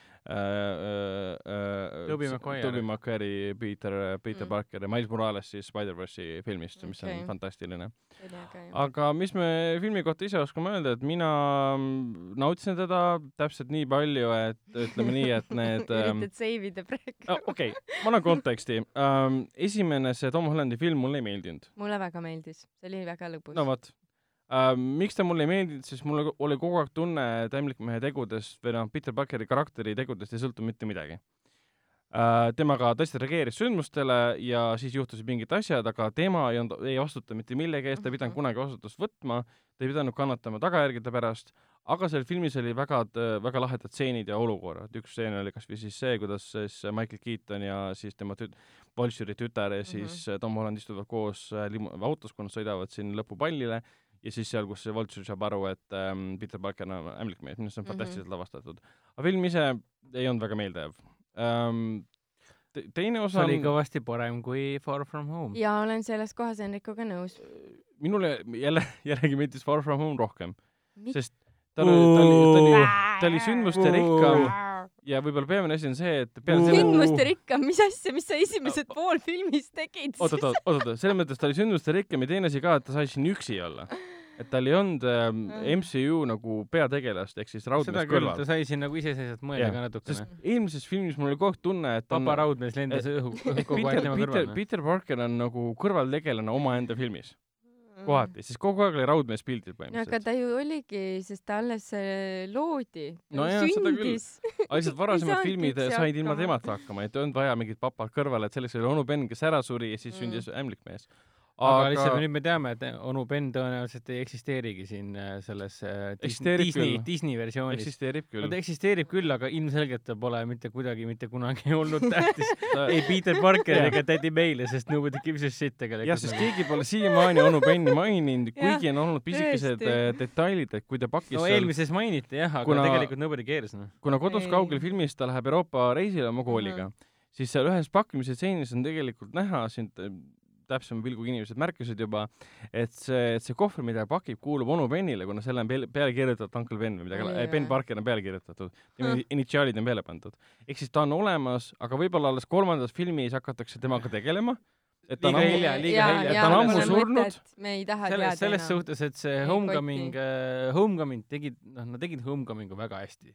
selles mõttes, et samamoodi nagu Bruce Wayne'i vanematega, me ei pea rohkem nägema, kuidas te neid tapate Jaa. me juba teame, et nad surevad ära. onu Benniga samamoodi, et algul Tobey Maguire nutab sinna peast välja, jah, siis tuleb jah. Andy Garfield nutab ka sinna välja, äkki aitab või? Mi- mis on see üks põhiline viga, mida Sony ja siis Marvel tegid sellega, et nad tegid loo, mis leiab aset pä- pärast Benni surma? Nad teesklevad praegu, nagu Benni poleks kunagi olemas olnudki. Benni surmal pole mingit mõju olnud, vähemalt silmnähtavat mõju, no eelmises Peter Parkeri Homecomingis nad karakterile. midagi nagu mainisid Benni elust, aga noh, eh. aga poole sõnaga. et no, enne ilmselgelt see Benni, oota, vana see äh, Marissa Tomei siin on, et nagu Jah. Neli kümpsi midagi. Maguire'i versioonis nagu, mis meil oli, Sally jaa, Field Sally Field oli normaalselt, Ann, äh, Ann May ju. ta on, Sally Field on ka mingi seitsmekümne Sally Field Jaa. oli siiski Garfieldi versioonis. Garfieldi versioonis, jah, ma no igal mõtlengi. juhul on nad ja, vanemad ja, olnud ja, ja ikkagi Tobey kõik. Maguire'i versioonis Aunt May oli nagu jumala äge tädi, aga ta oli nii vana. ja siin tekib küsimus, et kes see handsome star siis nagu oli see Uncle Ben jah, täpselt, miks ta ära- ta suri ilmselt samadel põhjustel muidugi. et nagu jättis oma okei okay, ma ei ma ei jätka rohkem okei okay. räägime nagu filmist filmist endast et lepime kokku et me ei spoilerda midagi sest muidu me peaksime Äh, peaksime praegu ütlema, et lõpetage siin kuulamine ära, lähme edasi, aga võib-olla ähm, järgmises saates teeme mingi spoili, siis pole otseselt midagi spoilerdada, aga Täpselt. see rikub ära tõenäoliselt kuulajate vaatamiskogemuse äh,. ainuke asi, mida võiks uurida, et minule näiteks see 3D ei sobinud kuidagi üldse, et, et ah. kui 2D vist peaks ka mingi aeg tulema, onju, Henrik? vaheldumisi on alati olemas okay.. Ühesõnaga, noh, ma ei tea, et see on võib-olla siis, kes kes tahab nagu mugavamalt vaadata, siis 2D-s, et ma ei saaks öelda, et seal oleks olnud hullult mingeid kolm, 3D efekte või ma ei mäleta enam või ähm,, magama vahepeal. vähemalt ühes stseenis mulle, ta ongi veider, kuna see on ämblik meie film, kus ta nagu ringi ja. vihiseb Vot, mööda vot. linna ja kõike seda, siis tegelikult see peaks 3D efekt olema. esimeses see toimis minu arust hästi, aga siin see, ma küll ei mäleta, et oleks mingi, mingi erilist efekti andnud, et mis mulle meenub, on see, et kuna pea nagu põhiantagonist on tal Mysterio, äh, kes on väga kuulus siis äh, äh, Spider-mani vastane ja keda kehastab antud juhul siis äh, Jake Gyllenhaal, siis kuna ta on tuntud selle poolest, et ta loob illusioone, siis see pole nagu spoiler, et ühel mm. hetkel satub äh, ämblikmees illusioonidesse lõksu. ja minu arust see töötas 3D-s päris huvitavalt okay., kuna ta kaamera tehislik kaamera põhimõtteliselt liikus väga huvitavalt, anim-, animeeritud kaamera, kõik see sündmused, mis seal olid, see oli minu jaoks nagu huvitav aga muidu jah, eh, see ei paistnud nagu silma niimoodi. et pigem äh, ongi see, et äh, kokkuvõttes võib-olla lastel on tore, aga täiskasvanul nagu ma ei tea, mul ei olnud nagu väga-väga tore, et äh, ma ei tea, midagi jäi lahjaks nagu no, siuke. jah, et vot ma võtan äh, lühidalt praegu kokku enda arvamuse, et noh äh,, ehk siis hüpates sel-, sellelt samalt pinnalt, mis Helen praegu mainis, ehk siis tundub, et nüüd esmakordselt on Ämblikmees muutunud nagu laste lastefilmiks, et mm -hmm. ma olen mhm. nagu, ma olen kakskümmend kaheksa, et mulle tundub, et ma olen nüüd, ma ei tea, kümme aastat liiga vana või? et noh. ei, isegi rohkem isegi rohkem 15, jah, et noh. viisteist aastat vähemalt liiga vana ja ilmselgelt ma olen liiga palju ka nüüd Ämblikmehe erinevaid versioone. jaa, täpselt, see, see on ka kõige hullem. neli versioon, ei.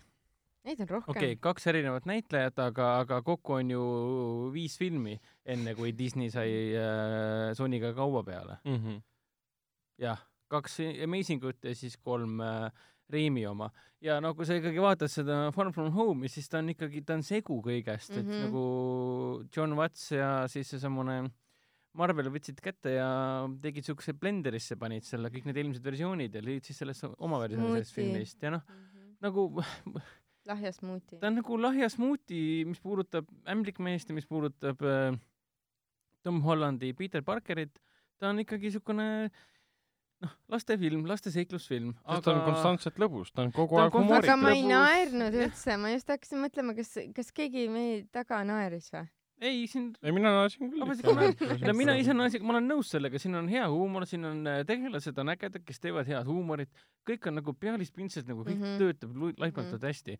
aga, aga pärast seda, kui ma olen mingit Endgame'i vaadanud ja, ja kuidas no Marvel on tõestanud, et issand jumal, te võite teha ligi kolme, tegite üle, veidi üle kolmetunnise filmi, kus esimene pool on siuke maset-, masekuse, maseka pauk, et mõni nõrgem inimene võib käe külge endale panna siis pärast seda see, ta mõjub nagu vajaliku äh, puhkusena, mida yeah. paljud kriitikud mainisidki, et nagu Far From Home on nagu et võtame hoo maha ja puhkub sellest masekast, lähme Euroopasse puhkama ja mm. aga samas, kui sul ikkagi unustatakse ära, et Endgame nagu toimus, okei okay, te, tegelikult ei unustada, seda mainitakse siin, mainitakse siin, aga ainult alguses mm -hmm. ja seda teemat üldse ei puudutata eriti. see oli jah veider olulisel, tegelikult. nagu olulisel aktuaalsel määral nagu üldse ei puudutata, siuke asi nagu Endgame üldse toimus. filmi esimese mingi viie minutiga võeti hu läbi humoorika prisma kokku. see oli üks minut. see oli reaalselt üks minut. umbes, ja siis rohkem ei puudutatud. mainiti ka, et ah, meil on nüüd uus äge nimi sellele mm, -hmm. mis juhtus ka ah,. mis see oli, The Blip või? jah jah, mingi blipp või blop. Slappi asemel oli ja siis lennukis tehti paar nalja selle kohta ka mm, -hmm. et ta joob alkoholi, aga tegelikult ta nüüd, ta on viis aastat noorem. aga see oli jälle see, et see oli tegelikult isegi inimeste tagasitulek. seda oleks pidanud võtma veits nagu sügavamalt ja traagilisemana selle, selle koha pealt, et see ei ole päris niimoodi, et viis aastat ära olnud ja siis äh, ilmud tagasi, sul on elu kõik korras. jah, siis on ahah. mina oleksin tahtnud näha siin mingeid inimlikke detaile, kasvõi see, et võib-olla mõni inimene kolis ära, kui tema perekond ära kadus, nüüd tuli perekond tagasi, no siin see kodu. Aunt May ju mainis, et ta tuli tagasi ja läks oma korterisse ja sealsed ah, elanikud olid väga segaduses ja No üks täpselt. pidas aga seal isegi oli küll jah mingisugune toetusgrupp või no esimese, esimese veerand tunni jooksul või kahekümne minuti jooksul, mis oli siis kahetunnisest filmist, põhimõtteliselt äh, no, kaeti see kõik ära nii-öelda.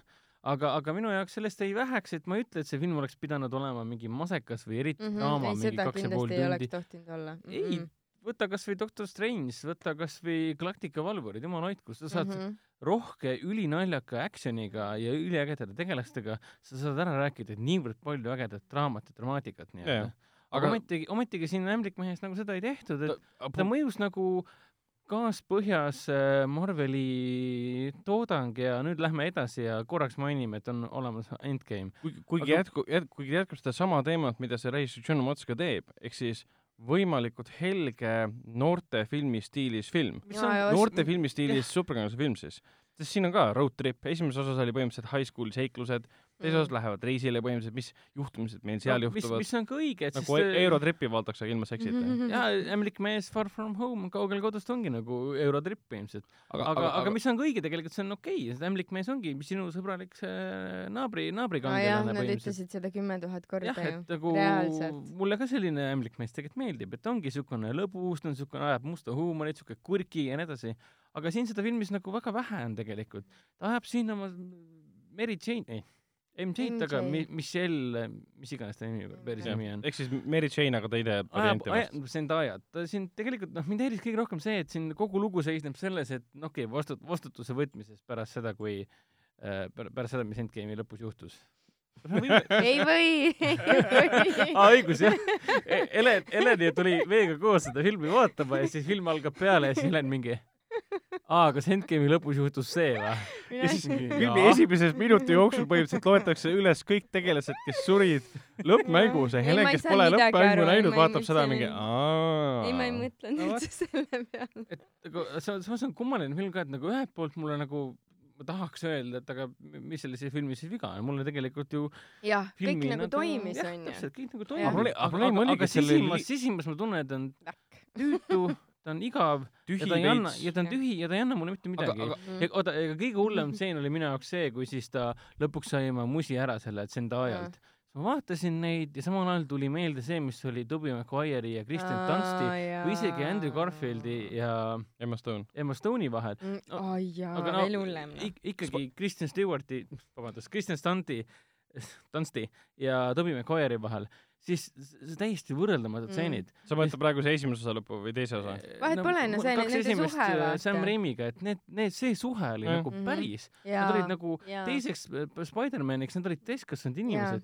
üks oli läbikukkunud näitleja ja teine töötas kullerina. nojah, päris elu nii-öelda. jaa. aga siin ma vaatasin, et see on mingisugune nutimeedia ajastu üliilusad noored vaatavad üksteisele otsa, otsa ja mõtlevad, et ja kuule, kõik me oleme ilusad noored, äkki me Jaa. date'ime või ja,? ja rohkem, rohkem substantsi siin lihtsalt ei ja olnud. kõigil on kogu aeg kõik hästi. ja kõigil on kogu aeg kõik hästi. kõik on kogu aeg hästi, kõik on nii tore ja mis Peter iganes Parkeri, teeme Peter, selfie ja Peter. Park- Mhm., Parkeri karakterile on ju filmides alati olnud rahaprobleemid. jaa, vot, vot, vot. ja siin on see, oota, ma oleks tahtnud teada saada, oota, kas ta siis nagu, kool maksis kinni selle reisi jah, või palju tal raha selleks oli, kas nad pidid ole korjama raha selleks tulla. no täpselt, et kui sa need pisikesed, aga väga olulised detailid pikemas perspektiivis ära kaotad, ehk siis äh, võtame Raimi äh, Spider-mani, tal olid rahaprobleemid mm, Mhm. ta pidi ise endale kostüümi kokku panema, ta pidi reaalselt kogu aeg pingutama, et mis ja teises osas ta põhimõtteliselt loobus olemaks äh, ämblik mees sellepärast, et ta ei suutnud oma eraelu, koolielu ja muud tööelu kokku panna superkangelase eluga. Ja sedasama ta-, teemat lahatakse ka kodus Jaa. kaugel, aga Mm. kuidas seda siin tehakse? siin noh. siin on see, ma olen reisil ja tahan oma selle tüdrukuga musitada jah, ma jätan, ma jätan versus oma, versus ma olen kangelane, see ei Mhm. ole usutav. et ma jätan oma kostüümi koju, sest ma tahan minna puhkusele. jah jah., pärast seda, mis toimus Endgame'i, ma usun, et mitte ühelgi päris äh,, päris, ma läksin Päris, praegu nii päris. kaugele. ja tegelikult, tegelikult see, see ühe, mitte ühegi stsenaristi mõistus ei, ei, ei tohiks olla mõtet, et kuule, see on vist hea mõte, et pärast Endgame'i Spider-man läheb puhkusele, jätab äh, kostüümi koju, sest äh, mis ikka juhtuda võib. oh,. Nad arvasid äkki, et nad suudavad Luciferi teha, vaata. vanakurat läheb puhku, puhkusele maa peale, vaata. aga, aga, aga sõltumata kriitikale, siis äh, ta on, ta on, ta on lõbus seiklus, aga seiklus täis nagu noortefilm, et mingid elemendid, tegelikkuses ma ütlen selle, selle filmi Mhm. kohta, see on suurepärane suveseiklusfilm, mine kinno selles mõttes ta on, kui sa ei ole superkangelase filmide fänn, siis see film ei ole ilmselt sulle, ilmselgelt sulle. jah, kui sa oled fänn, siis sa võid pettuda, sest siis sulle meeldivad rohkem, varasemad Spider-man'i filmid rohkem.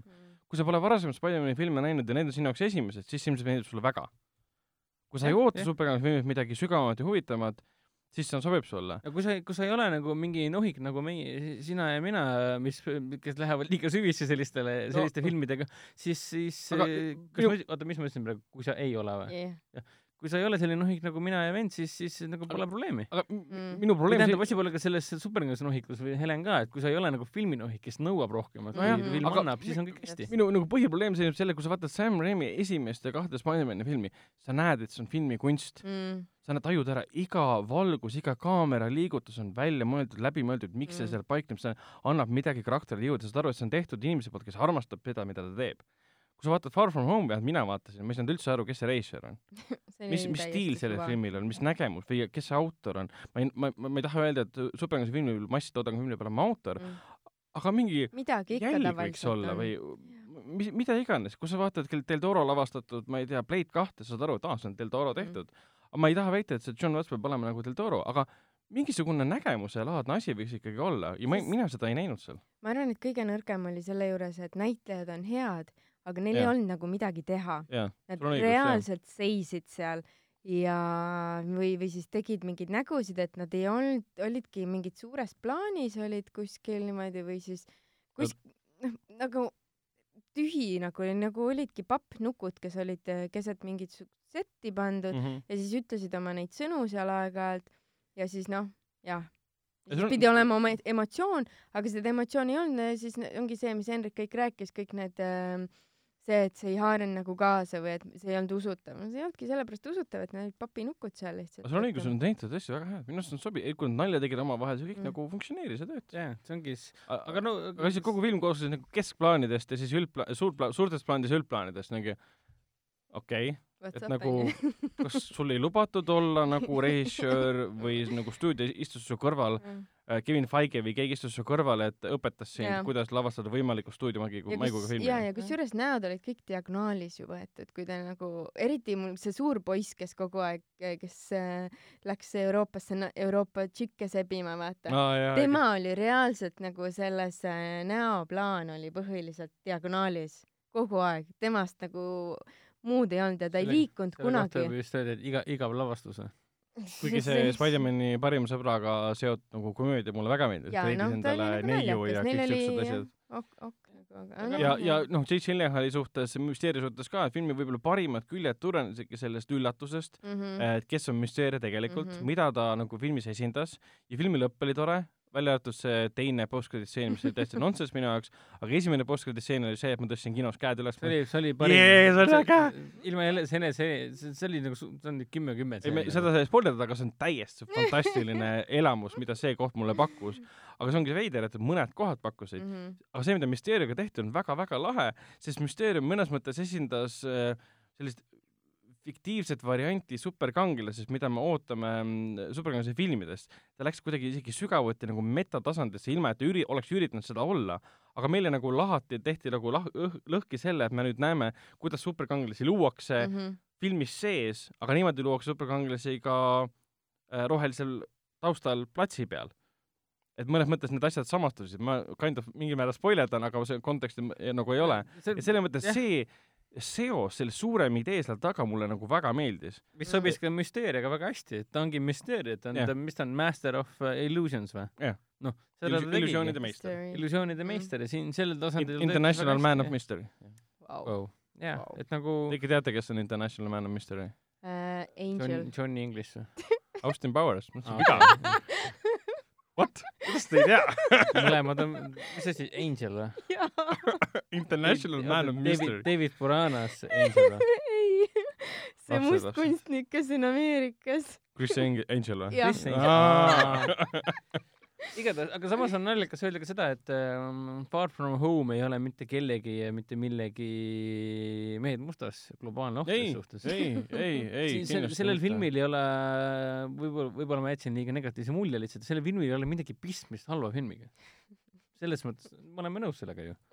ei, kui sa, kui sa tahad äh, suvel minna kinno ja ägedat seiklust nautida kõige paremas, suurimas saalis, siis Spider-man on väga hea valik, lase käia. Aga lihtsalt, kui sa oled nörd, siis on veits raske, noh. Mitte nörd, kui raske sa- elu, noh. kui sa hindad, sa Mingite tahad liiga teiste- palju. kui sa tahad liiga palju või hindad mingite teiste kriteeriumite põhjal või võrrelda varasemate filmidega, siis ta ei kannata väga palju seda. ja siin on nagu liiga palju ideid sisse topitud, et aga millest see film siis nagu rääkis, kas ta rääkis sellest, et ähm, Peter Parker üritab aru saada, kas ta tahab olla järgmine raudmees või ta rääkis sellest, et ta tahab leida armastust või ta rääkis sellest, et äh, kas ta suudab olla korraga ämblikmees ja korraga Peter Parker. oota, oota, need- aga, aga siin oli just vähe ideid, aga need ei, need ide-, ei ma mõtlen seda, ideed olid kõik õhku visatud, aga aa, noh, aga keegi neid kinni ei püüdnud, neid ei arutanud nad. ei olnud korralikult kinni õmmeldud, läbi mõeldud Nojah. korralikult. et nagu kogu, nagu kogu teemad olid olemas, aga kogu Sam Raimi Ämblikmehe kahe nagu al- teine akt koosneb ainult sellest, et ämblikmees lihtsalt mingi fuck this, ma ei viitsi enam sellega tegeleda, elab oma rahulikku elu ja see on fantastiline, aga siin filmis on mingi kaheminutilised stseenid, kus natuke aretatakse mingeid asju sa oleksid sügavuti. pidanud ikka siin filmis ka selle emotsiooni ära tegema nagu Spy-, Raimi, Raimi Spider-man kolmes. sellest me ei räägi. Tom Holland oleks võinud siin ka tantsida niimoodi Jah. imelikult ja naljakalt. ühesõnaga, see on, see on tore film, aga ta on üks nendest äh, MCU filmidest, mis nagu ei ole kõige paremad ega me tugevamad. oleme, me oleme langenud nagu MCU ohvriks, sellepärast et eh, kui sul on ikkagi tasujad järjest nagu ära andnud ja Kapten Marvel oli ka nagu surmtõsine ja puha ja siis järsku tuleb niisugune õlilõbus filmikene, siis nagu Marveli ohvriks sellepärast, et Marvel nagu järjest panustab ja panustab ja paneb suuremad panused peale, kogu aeg ütleb, et nüüd läheb aina hullemaks ja suuremaks ja põhjalikumaks ja siis tuleb niisugune eriti, eriti kerge seiklus, niisugune Mhm. nagu Spider-man sinust mööda läheb, siis see mõjub umbes sellisena, et aa, okei okay,, ma võtan siis hoo maha või, ma ei peagi üle mõtlema enam, et noh Ok.. aga jah, vot, aga lähme edasi filmi juurde, mida me kindlasti soovitame, selleks on jaanipäev äh, Midsommar. mida teie arvasite siis äh, Ari Asteri uuest õudusfilmist Jaanipäev Midsommar? väga ambitsioonikas, ambitsioonikam võrreldes Asteri eelmise filmiga Pärilik eh, ehk siis inglise keeles Hereditary, kus meil peaasjas oli, ma tahan öel- alati öelda Felicity Huffman, aga tegelikult mängis seal Mm-mm. Toni Collette. aga väga võimas äh, autorikino, ütleks selle peale, selles suhtes. väga, väga huvitav, et äh, tavaliselt õudussugemetega asjad on kõik tumedad ja öised ja mustad ja nii edasi, aga sel korral oli ju kõik päisepäeva ajal ja mille üle tehti ka kõvasti nalja seal filmi sees, mis oli päris äge. et see mulle meeldis. Sa mõtled seda nalja, mis on seal äh, treileris käib ka läbi, kus nad äh, istuvad puu all ja siis äh, üks küsib, mis kell on, kell on kaheksa või üheksa isegi. teine ütleb, et see pole ju võimalik, valge on väljas, siis teine ütleb, et aa, nii ongi Norras äh,, Rootsis tähendab, nii ongi.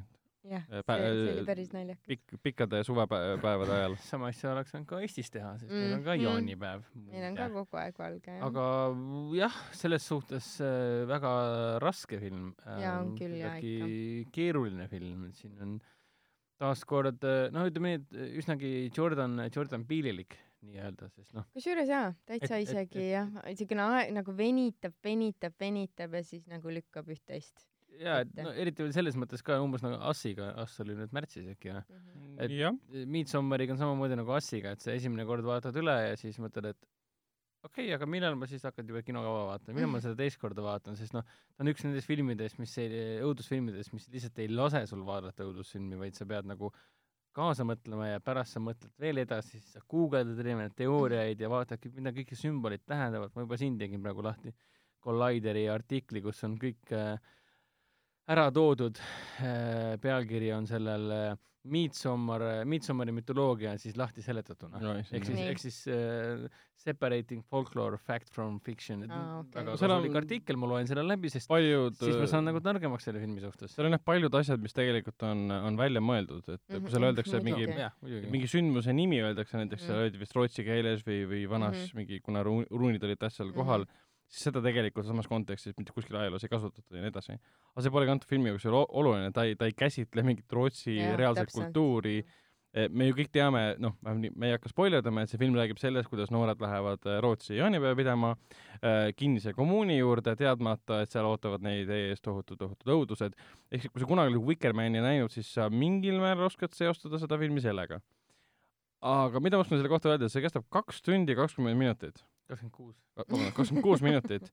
Ja kordagi ei anna tunda, et oleks pikk, minu, minu, okei, okei, sorry, noh, sorry, noh. Äh, minu puhul ma ei tundnud kordagi, ma, ma ei tea, kas ma WC-s käisin, ei käinud.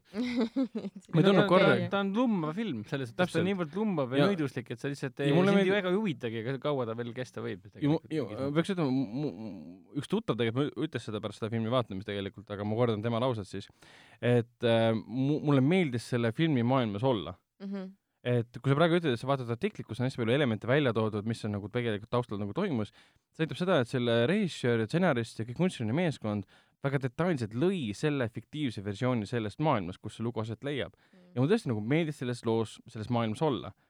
selle koha pealt meeldis, et ma tundsin ennast selle koha pealt turvaliselt, et ma tunnen, et kõik on nagu läbi mõeldud, et mina pean olema see, kes asjadesse nagu läbi puurib, mitte et ma olen see, kes vaatab, ah, see on jama, see on mm. jama, see on igav, miks ma seda vaatan. Kuigi üks asi, noh, ei saa nagu sellest väga rääkida, ilma et liiga palju äh, ära ei annaks, aga üks asi, mis ma hakkasin mõtlema, et ähm, noh, noh, neil toimub seal üks üritus, eks, mis toimus kunagi kaua aega tagasi. üheksakümmend aastat tagasi.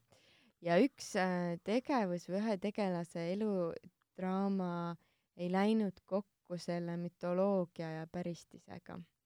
et hmm. ähm, nagu ma ei saa nüüd nagu öelda, aga seal on Pelle, vaata. vastu ähm,. ma räägin Pellest aa, Pellest räägid või? aa, okei okay.. et äh, seal oli nagu üks, üks asi, mida nagu ma hakkasin pärast mõtlema ja siis mõtlesin, et oot-oot-oot-oot-oot. sa mõtled seda, et kuna ta esialgu tundus ühena ja pärast tundus teisena? ei, ei, ei, ei, mitte seda. See, mis tema elus juhtus kunagi, kui ta väike oli. aa, jaa, õigus, õigus. ja tegelikult oleks see pidanud juhtuma üheksakümmend aastat tagasi, aga Belle ju oli a la kakskümmend viis mis iganes, vaata. see pigem vist on see seos, et see kommuun eksisteerib kogu aeg, aga see pidustus on nagu kommuun ehk siis perekond tegelikult see, see pidustus toimub iga üheksakümne aasta jaa, täpselt, aga Belle ju oli kakskümmend viis, ütleme no,, ja temaga ei saanud need asjad juhtuda üheksakümmend miinus kakskümmend viis aastat. aga ei pidanudki juhtuma ju. Selles mõttes, et see kommuun eksisteerib kogu aeg, nad on kogu aeg koos. jaa, aga see seal, mis seal lõpus nagu juhtus, et noh, oli stuff nagu ühesõnaga mm. Ähm, minu meelest oli seal see üks asi või siis ma ei mõistnud seda jah õigesti aga üldjoontes, mis oli väga äge, äh, oli jälle näitlejad mm, -hmm. näitlejad olid nii, nii, nii vinged ja eriti see Florence, äh, Florence Pugh vist hääldatakse tema nime. Pugh, Pugh? Võib-olla, ma ei, ma ei tea. jaa, ta on see Florence Pugh. kes on siis põhimõtteliselt okay. Äh, filmi peategelane, kes ja. alguses elab läbi, nii nagu treilis käib ka läbi, teatava trauma, tragöödia mm -hmm. ja läheb siis ja. koos seltskonnaga boyfriendiga, kes temaga koos olla ei taha. iseenesest väga-väga lihtsa positsiooniga film, et kui sa tahad, kui sa oled kinos, vaatad, et tahaks mõnda õudukat vaadata, siis sa vaatad, loed siis jaanipäeva sisu, et aga okay. see ei tundugi nii õudne ju. ei no tegelikult sisu järgi on see nagu klassikaline õudukas, sul on nii, ameeriklased, linnuke kirjas. Mm., lähevad välismaale, linnuke kirjas. Kohtuvad seal millegi väga tundmatuga, linnuke kirjas, okei okay,, see on siis klassikaline õudusfilm. aga kujutan ette, et kui inim-, pahaaimamatu kinokülastaja õudusfilmi fänn läheb filmi vaatama, ta võib sattuda nii äh, ebameeldiva üllatuse osaliseks mm. või siis väga ja, meeldiva üllatuse. Või siis, või siis ta pole pärast filmi üldse kindelgi, et nagu vau wow,, et see võib olla just selles mõttes meeldiv üllatus, et nagu osaliselt sa oled sa nagu vihane, et mis asja, mis pagana film see nüüd siis oli mm aga teiselt poolt on see, et pärast seda vihahoogu tekib tunne, et oot, mis asja, mis film see veel oli? nojah, sest ta ei ole otseselt see on üks nendest filmidest, äh, mis võib pakkuda pahaaimutele kinokülalistajatele väga palju äh, mõtteid selles mõttes, mis asja ma praegu vaatasin. pluss ta ei ole nagu klassikaline nagu õudusfilm, kuna ta pigem võtab sul, mida tegelased tunnevad ja läbi elavad ja äh, toob nad välja nagu mm. eksternal nagu jõuna ja loob need õuduseks pluss, äh, kui tavaliselt ju on õudusfilmides ikkagi naistegelased need, kes kannatavad jubedalt ja need, kes, keda piinatakse ja väntsutatakse ja mis iganes nendega ära ei tehta, siis äh, tegelikult on nagu päris palju räägitud juba ka sellest, et äh, see film on selles mõttes teistsugune, et siin siis äh,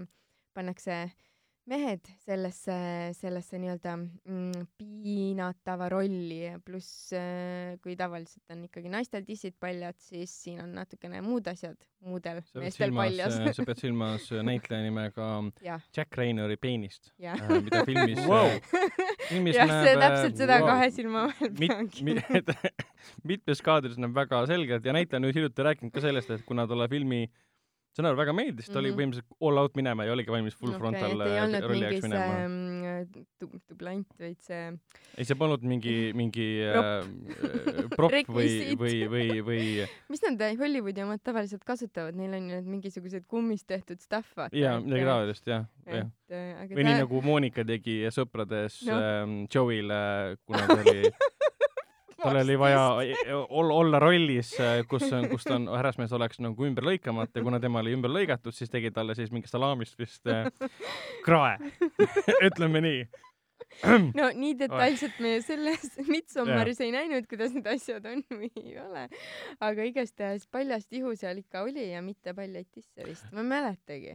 jah, Tisse oli küll, vaata lõpus ähm, aa oh, jaa, sorry, oh neid oli ka tegelikult, sorry muidugi. aga see ongi see, et võib-olla kui inimesed meid praegu kuulavad, kes ei ole filmi näinud, siis siis on neil rikkusime ära ei, kõik. ei, ei mitte rikkunud ära, neil on raske aru saada, mille üle me naerame ja mida Aa, otseselt okei. silmas peame. ja, ja me peaksime nagu on- natuke täpsemad Need, olema. kes on nagu näinud, mõistavad seda. Mm. kui inimene pole näinud ja isegi pole jaanipäevast täpsusta sellisest siis. filmist kuulnud, siis ta praegu on jumala segaduses praegu, millest me Nagu- räägime mis. film see on, mis see õudus see on? Lähevad Rootsi või sedasi saab, siis rääkige edasi, no mida te Ei siin jahute mingisugust peenisest. siis ongi selles, ta on pealtnäha väga lihtne, lihtsa süžeega lugu küll jah. ja tegelikult tal on, mitte pealtnäha, tal ongi lihtne süžee, aga see, kuidas ta seda lugu jutustab, on väga-väga mitte tei-, ma ei taha öelda, et teistsugune, see on nii klišeeline, see on, julge ta on julge ja teistsugune, see, noh, kurat ikka, ta on teistsugune välja. ei, ta võtab nagu jupp jupi haavel, et ta paneb iga mingi hetk sisse üllatuse, toob mingisuguse uue teadmise sellest grupist Mhm. ja nende traditsioonidest, rituaalidest ja kuidas see siis mõjutab seda gruppi ja siis neid külalisi, kes tulevad kõik välismaalt äh, nende rituaalile kaasa elama või, või tähistama seda. et, et, et ta on jah, läbimõeldud on see film ikkagi ja ta läheb jupp jupi haaval läheb edasi ja ta ikkagi jõuab lõpus kuhugile mm.. et ei ole nagu see, et aa, mingi koll oli ja koll läheb, et see nagu pole see jah, ma isegi olen, mul on kinoveebis ei ole arvustus veel ilmunud. Oi, kuidas oi, siis niimoodi? Aga mul on, äh, Ragnar Novot. rahu, rahu. aga mul on arvustuse drafti pealkiri on olemas, Nii. panin, et äh, jaanipäev on õudusfilmiks maske-, maskeeritud vastik psühhodraama lahkuminekust, traumast ja leinast.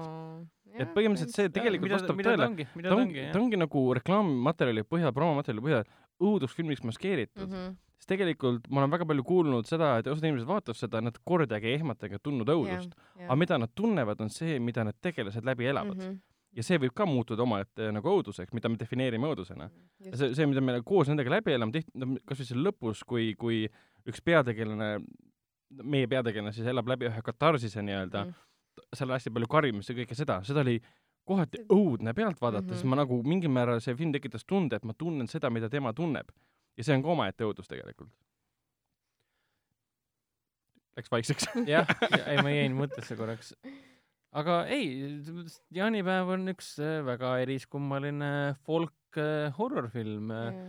ta on, ta on täpselt selline õudusfilm, mis sobiks nagu rusikas silmaauku ühele õudusfilmi sõbrale, sest see on midagi väga teistsugust, see on isegi veel teistsugusem kui Jordan Peele'i Us või jaa, Get Out, et aga, aga ma julg-, julgeks küll nii kaugele minna, et äh, kui me juba nüüd räägime Jordan Peele'ist kui meie aja suurimast õudusfilmi meistrist, siis Ari Aster, kas ta nüüd kohe kindlalt liigub tänu äh,, kuna nad on väga sarnased filmid äh,, selles mõttes sarnased, et, et äh, Jordan Peele'il on kaks filmi nüüd ja Ari Asteril on kaks filmi, et kas nüüd saab kohe öelda, et jah, et Ari Aster tegi samasuguse suure sammu, et nüüd räägivad kõik Midsommar samamoodi kui Assist, ma ei näe seda praegu, et niimoodi räägitakse, et pigem Ari Aster on veel ambitsioon, ambitsioonikam, selles mõttes ambitsioonikam, et, et, et ta jääb krüptiliseks, ta jääb avatuks nii-öelda. Et äh, Jordan Peele läks, ta võttis kätte ja hakkas looma oma uni-, universumit lausa nii-öelda mm.. ja ta teeb seda väga andekalt ja väga oskuslikult ja samuti väga krüptiliselt, aga siin, siin ta mõjub kohati nagu, see on väga vastik asi, mis ma praegu ütlen No. enam, enamike kuulajate jaoks ja filmisõprade jaoks nii-öelda, ehk siis ta mõjub rohkem nagu Euroopa autori kinona Aa, jah. kui, kui Jah. kui, kui kui äh, äh, Ameerika õudusmeistri Jordan Peele'i sulena. noh, rootsi keelt kuuleb filmis väga palju. Jah. jaa, selles mõttes, et kõik on autentne värk ja kõik Mm. puha rootslased täis. kuigi panite tähele ka, et filmis on väga spetsiifilised äh, tõlgitud subtiitreid. on, ja, ja. et ta on tõlgitud ainult siis, kui vaatajal on infot vaja. jah, ja kui äh, tegelased ei saa aru, siis Mhm. meile ka ei tõlgita seda Jah.. see on täiesti normaalne asi, mida teha Mhm. tegelikult. Et kunagi tegelikult on küll mingid filmid linastunud kinodes, kus sa mõtled subtiitrid alla niimoodi, et tegelased ei saa aru, aga vaataja Aa, saab ja siis on mingid osad ära ära rikkunud vähemalt põhimõtteliselt. tänapäeval nagu tõlgitakse ikkagi nii, nagu stuudio või filmitegijad ütlevad. Mm. ehk siis tegelikult ei ole vaja kõike tõlkida see ei ole lihtsalt asi, asi pole seda väärt lihtsalt. aga siinkohal ma teeksin kindlasti üleskutse, kuna, kuna äh, see film ei jõudnud nädalavahetuse top seitsme sekka ja, ja seda ei vaadatud väga palju, kuigi USA-s ta linastus korraga siis nädalavahetusel, või noh, see oli pikk nädalavahetus, oli see neljas juuli kõik see, linastus kahe tuhande seitsmendas, seitsmes, kahe tuhande seitsmesajas kinos siis äh, Eestis ikkagi on seda vähe vaadatud, mina soovitaksin kõikidel seda vaatama võimalikult palju minna, sest see on väärt film, see on väärt õudukas, kas ta nüüd õudusfilmi klassika on, ma ei, raske öelda veel, ma ei tahaks ühtegi filmi, mis on linastunud äh, üleeile nimetada klassikaks, andke nagu veits aega atra seada ja kõike seda. Aga ta on filmikunstiliselt on ta rabav, on. ta jääb meelde, kindlasti selle aasta üks kõige Jaa. meeldejäävaid filme. seal on visuaalsed nagu äh, leidlikult lahendatud äh, kohad sees, mis jäävad väga meelde, mis puudutab näiteks äh, äh, seente tarbimist, psühhotroopsete seente tarbimist ja panna see kokku veel äh, selle, issand noh, paanikahoodega näiteks mm, -hmm. see on minu arust ideaalne vahend, kuidas näi- visuaalselt muutub, kuidas näitab, kuidas maailm muutub jaa, sinu on, ümber ta. on väga pingeline Äh,, ta on väga õõvastav, ta on äh, ärevust tekitav selles mõttes, et alg-, esimesed pool filmi, sul on kogu aeg see ärevus sees, et, et mida siin, mis siin toimub, hakkab Nojah. kogu aeg läheb aina selles hullemaks. mõttes ta on väga sarnane pärilikule, et pärilik ka kogu aeg nagu ehitas, ehitas, ehitas, ehitas, ehitas ja lõpus on plahvatus. siin on mõnes mõttes täpselt samamoodi, lõpus toimub Mm. ja see Ari Aster on rääkinud ka ähm, intervjuudes, et ta teebki oma filmi niimoodi, et talle meeldib seda ehitada, ehitada, ehitada ja siis lõpus teha totaalse siukse. ja tegelikult, kui sa lõpus seda viimast mingit kahtekümmet minutit vaatad, ma vaatasin kogu aeg suva ammuni mingi uh, what? aga see oli nagu heas mõttes what, sest ma sain Mhm. kõigest aru, mis toimus, aga ma ei uskunud, et see film jõudis siia välja. kuigi ma teadsin, et see ei lõpe tegelastele hästi. millises õudusfilmis lõpeb kõik asjad tegelastele hästi? aga siin ta ka ei lõppenud hästi, aga paremini mõne tegelase jaoks kui paljude teiste jaoks. jaa, et võib öelda küll nii, et klassikaline ameeriklaste road trip äh, välismaale muutub kiiresti selliseks arthouse'iliks, arthouse'ilikuks horroriks, mida, mida naljalt äh, tänapäeva õudusmaastikul ei näegi. kui sa Seda- just seda-, äh, seda kui sa piili kui sa just piili, piili võtad valem-, valemist välja. jah, täpselt, seda ei saa enam otseselt niimoodi väita, sest praegu tundub, et on väga palju uusi õudusfilmide reisijale, kes teevad oma debüüdi ja kohe nimetatakse seda aasta parimaks filmiks. seda küll. või no teine asi on ka see, et nagu neid Ari Astereid ja Jordan Peele'e võib olla väga palju, lihtsalt nad ei saa sellist kajastust, nagu nemad saavad. jah, jah, seda ka, seda ka täpselt. see samamoodi praegu siin mingi ma ei tea, Lars äh,, Lars Ul- Ulriksen äh, eelmisel aastal lasi välja, see on välja mõeldud nimi muidugi, toon nagu pointi koju.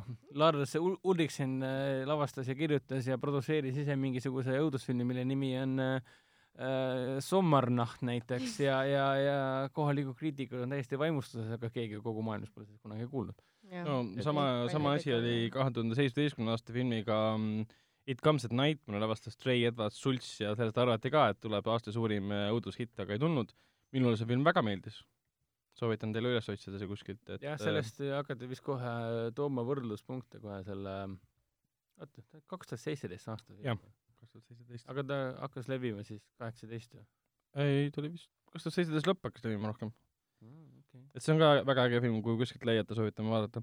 igatahes Midsommarit me väga-väga soovitame, sest see on suurepärane õudusfilm, see näitab, kuidas ju- põhimõtteliselt annab, sa saad õppida ära, mitte õppida ära, vaid sa tunned seal autori kätt, mis on tema stiil, eriti kui sa oled varasemalt filmi ka näinud.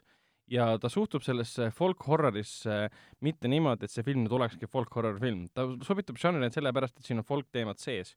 Aga ta ei kasuta neid ruune ja ajalugu ja mütoloogiat umbes niimoodi nagu mingi paganliku ja võttena et. see ei ole nagu mingi kummitusfilm jah, et siin ei tule mingid, see ei ole otseselt spoiler, aga siin ei tule mingid üleloomulikud Ei. äh, tulnud, mitte tulnukad, aga siis mingisugused vaimud ja, ja, ja jaa. koletised sisse. keegi ei nõiu kuskil Jah, midagi et ta on täpselt, et ta on põhimõtteliselt nagu nõiutakse küll, aga väga realistlikul viisil. mm. -hmm. nagu kõik on hästi päristine või siukene inimsuhete mm. -hmm. taustal ja, ja just emotsionaalsete läbielamiste pinnal, et nii peategelaste, kõrvaltegelastega kui siis nende omavaheliste suhete põhjal, et, et ta on väga läbimõeldud. aa, hea, sa suhted mainisid, sest äh, Jack Raynori ja siis ähm, Florence Pugh tegelaskujude minu arust suhe, Piu-piu. Piu, Piu, on äh, päriselt suhe, ei mitte päriselt, aga see on väga minu Ah. Vastikult kohati jah. välja see ehitatud on, see on siuke tüüpiline vaimse, vaimse vägivalla case nagu, mis sul on seal passiiv-agressiivses Mhm. suhtes, ma üks nii- kumbki nii- ära ei lähe. ma nii ootasin, millal Nagu see naine- Jack Raynori tegelane lõ- nagu õudusfilmides alati niimoodi, et sul on vähemalt üks või kaks tegelane, üks või kaks tegelast, keda sa filmi algusest saadik mõtled, et okei okay,, see sureb küll esimesena. Nagu jaa, jaa siis kuskil pool filmi on läbi, ta pole ikka veel surnud, aga ma nii väga tahan, et ta sureks. No,. ja tema on üks nendest, Jack Raynori tegelane, aga nii hästi, ta mängis nii hästi, see on üks asi, ja see oli, see suhe oli nagu väga vastikult, Jõhker, aga samas, kui ta, kui ta mõjub sulle vastikult ja jõhkralt, see tähendab seda, et nagu väga hästi tehtud. jah. No jah, siin, siinkohal tuleb shout out teha Will Bolterile, kes mängib seal sellist äh, väga jutukat, sõnakat tüüpi ah jaa, äh,, kes põhimõtteliselt kogu aeg räägib siis äh, Jack Raynori tegelaskujule, ma ei mäleta, mis tegelaskuju nimi oli. Äh,. Ma ei tea, ma, Kris. räägib talle, vist jah, räägib talle kogu aeg, et ta see mm, tüdruk maha, et äh, pole vaja, minge teda lahku juba. Kristjan. Kristjan. aga see Bolteri tegelaskuju, tal on see vastav siuke mölaklik nägu ka. ja ka ta kuskil intervjuudes on rääkinud, et ta naudib tegelikult selliseid Mm. rolle, et vabalt võiks me- rohkem teda ja ta meeliseb. kogu aeg ja ja ta tegi nalja kõvasti ja Jah. see õudusfilmide puhul on hästi oluline see, et saaks kõvasti ka nalja või ja et, et sa naeraksid millegi üle või veipis ka palju. Ja ta veipis kogu aeg veipis. selle üle, tegelikult see oli irooniline nalja tegemine, siuke mingi veip nagu mis asja nagu, tuleb on? Rootsi, Rootsi tuleb jaanipäeva pidama ja siis veip. kuskil, minu meelest oli elektrit neil ei olnudki. Ma küll ei näinud, et keegi seal oma telefoni oleks no laadinud neil oli kogu aeg valge jõu ju, neil ei olnud vaja. jaa. aga sul on ikkagi vaja ju telefoni laadida aga veipi seal ei olnud connection'it anyways. ei, kuna, kuna kõik peategelased olid ju põhimõtteliselt tudengid antropoloogia osakonnas, siis Jah. öö, ka, öö, üks pea, üks tegelastest kindlasti istus läpaka taga ja kirjutas oma Ah, esseed jaa. ja tööd selle põhjal ma. küll kordagi näinud, et oma läpakaid või veipi oleks tal laadinud. oli lihtsalt nii amazing Akupangad olid kaasas, jah? selles mõttes film rääkis paljudest muudest asjadest, sa ei peagi näitama, kuidas tüüp läheb magama ja siis paneb oma HP kuskil seina sisse, see pole oluline. jaa, aga inimene, mina, mina, mina kui lihtinimene oleksin sellega samastunud, kui, kui Will Bolteri tegelane oleks õhtul voodisse istunud ja siis hakkab magama minema, siis mingi oh shit, I have to aga sa seda kohta ei näinud, kui ta näitas seal kõigile, et no connection ja siis kõik panid telefonid taskusse ja nad ei ei, üritanud seda küll, isegi. aga ma oleksin rohkem samastunud, kui ta oleks öösel keset ööd, keset ööd üles ärganud mingi, oh kurat, ma unustasin oma e-sigareti laadima panna. ei tea sellest midagi. okei. okei, lähme edasi. vot, igatahes äh, võimas, äge, väga-väga palju erinevaid tundeid ja mõtteid tekitav film, nii et äh, ma tõenäoliselt, mitte tõenäoliselt, päris kindlasti lähen uuesti vaatama. jah, selle, täiesti. selle tüübi eelmist filmi vaatasin ka uuesti, kaks korda vaatasin samal päeval, nii et, Mhm. nii et ma jah, see on Mm. see on üks nendest filmid, filmidest, mis jääb pikaks ajaks meelde. No selge, aga lähme edasi uudiste juurde, millega me tavaliselt alustasime, seekord tõstsime nad lõpupoole ja vaatame kiiresti üle, mis meil siin juttu on, et nüüd kümnendal juulil ehk siis äh, päeval, mil see taskuhääling ilmub, on juba Laagna teel Christopher Nolani spioonipõnevikud Teneti võtted alanud. selle kohta me ei tea mitte midagi. ei, mida me teame, on seal, et tankiga seal kindlasti ei sõideta. Et siin vahepeal levisid erinevate kanalite kaudu uudised, et Christopher Nolan on juba siis Pärnu maantee võtete raames äh, plaanis sõita tankiga läbi äh, trammi, sest on trammide plaanis osta äh,. ei, seda ei juhtunud ja nüüd hiljuti siin Tallinna tänavatel oli tanki näha ka, aga see oli hoopis liitlasvägede või mingi Briti tangid, mida kuskile transporditi uh,. mida me veel teame seda, et uh, vähemalt minule teadaolevate andmete põhjal uh, ei plaanita helikopteritega siis uh, Laagna tee sildade alt läbi lennata, nii nagu Näh. vahepeal käisid jutud. nii ootasin seda. samuti ei plaanita siin Laagna tee sildu, ühte silda õhku lasta, nagu see vahepeal käis ka jutt. aga mida me teame, on see, et ähm, Laagna tee ületatavad sillad on avatud võtete ajal, Mhm. välja arvatud sulgemise kuni viieks minutiks ohutuse tagamiseks. ja põhjuseks öeldakse seda, et õhusõidukite madallennud ehk siis need äh, peaaegu vist kahekümne kuuenda juulini toimunud võtted, kuskil seal ühel hetkel lendavad siis Laagna tee kohal väga madalal, ma ei tea, kas mingid väiksemad lennukid või helikopterid, igatahes mingid lennumasinad seal lendavad.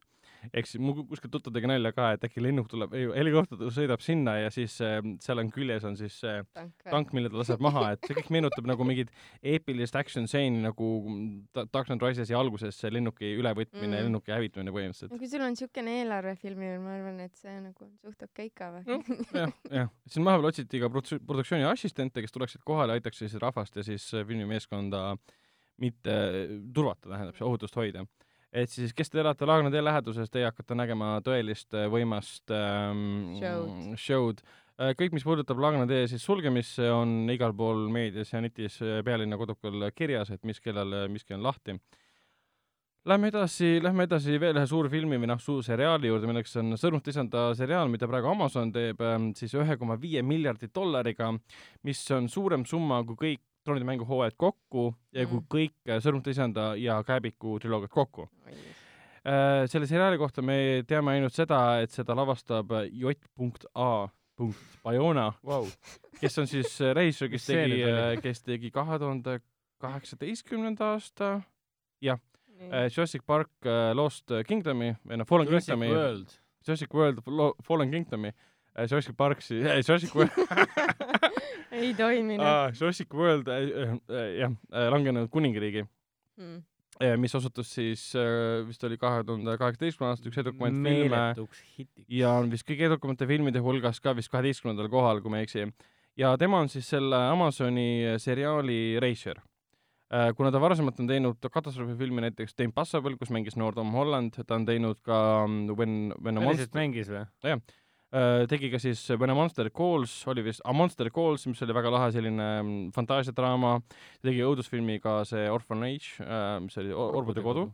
ehk siis ma ei tea, kas mul on tema võimetesse usku, sest Fallen Kingdom on minu arust film, mis tõestab seda, et ta on nagu suurepärane reisijal. pigem tõestas seda, et ta suudab hallata väga suure, suurte võimsate efektidega ja suure eelarvega filmi, mis on ka Amazoni, Amazoni sõnumite lisand. Mida me selle seriaali kohta veel teame, see on see, et nad alustavad nüüd juuli lõpus Uus-Meremaal võtetega, sest tundub loogiline, sest produtsendid äh, oli öelnud ka, et äh, olgugi, et kõik sõnumite lisand triloogiad, Käbiku triloogiad tehti ka Uus-Meremaal, mis osutus meeletuks turismi nagu võtmeks põhimõtteliselt, miks kõik läksid sinna, siis neil pole kuskil mujal filmida enam, sest noh, keskmaa on kogu aeg igaveseks ajaks igavesti nüüd Uus-Meremaa. Ja seal nad filmivad siis Aucklandis, neil oli plaanis hoopis Wellingtonis filmida, aga seal stuudiod on kinni, sest ava-, James Cameron filmis on oma avatari järgi siis praegu. ja rohkem selle filmi, seria-, seriaali kohta nagu mitte midagi ei tea, aga me teame, et noh, see tuleb suur-suur asi, et võib-olla Amazon noh, üritab teha oma järgmist äh,, ma ei tea ma, saan aru, et ta lavastab ainult paar episoodi või? minu arust seda ei ole kuskil kinnitatud veel. ma praegu siit püüan nagu leida seda infot ka, mind täitsa hakkas huvitama, kas me seda infot üldse teame, vaata, kes see, kes on sarja showrunner üldse? Ongi Bayona. stsenariste pole teada, mitte midagi pole teada. ainuke siin, siin mulle öeldakse, et keegi J.D. Payne ja Patrick McKay on uh, go-showrunnerid. vot. okei okay,, see on aga, aga uus see info. on, see on jah huvitav, et nagu, et seda infot nagu väga ei ole innukalt nagu jagatud, mis on omamoodi kummaline. Nii suur projekt ja siis nii tähtsad asjad nagu showrunnerid ja režissöörid on nagu täitsa no kuna reisijal alles praegu palkasid ja mingi juuli lõpus tahavad võttesse minna, siis noh mm. ju siis, ju siis on midagi vist nagu veits kuskil veits Mm. mingi fast track imise maik on siin.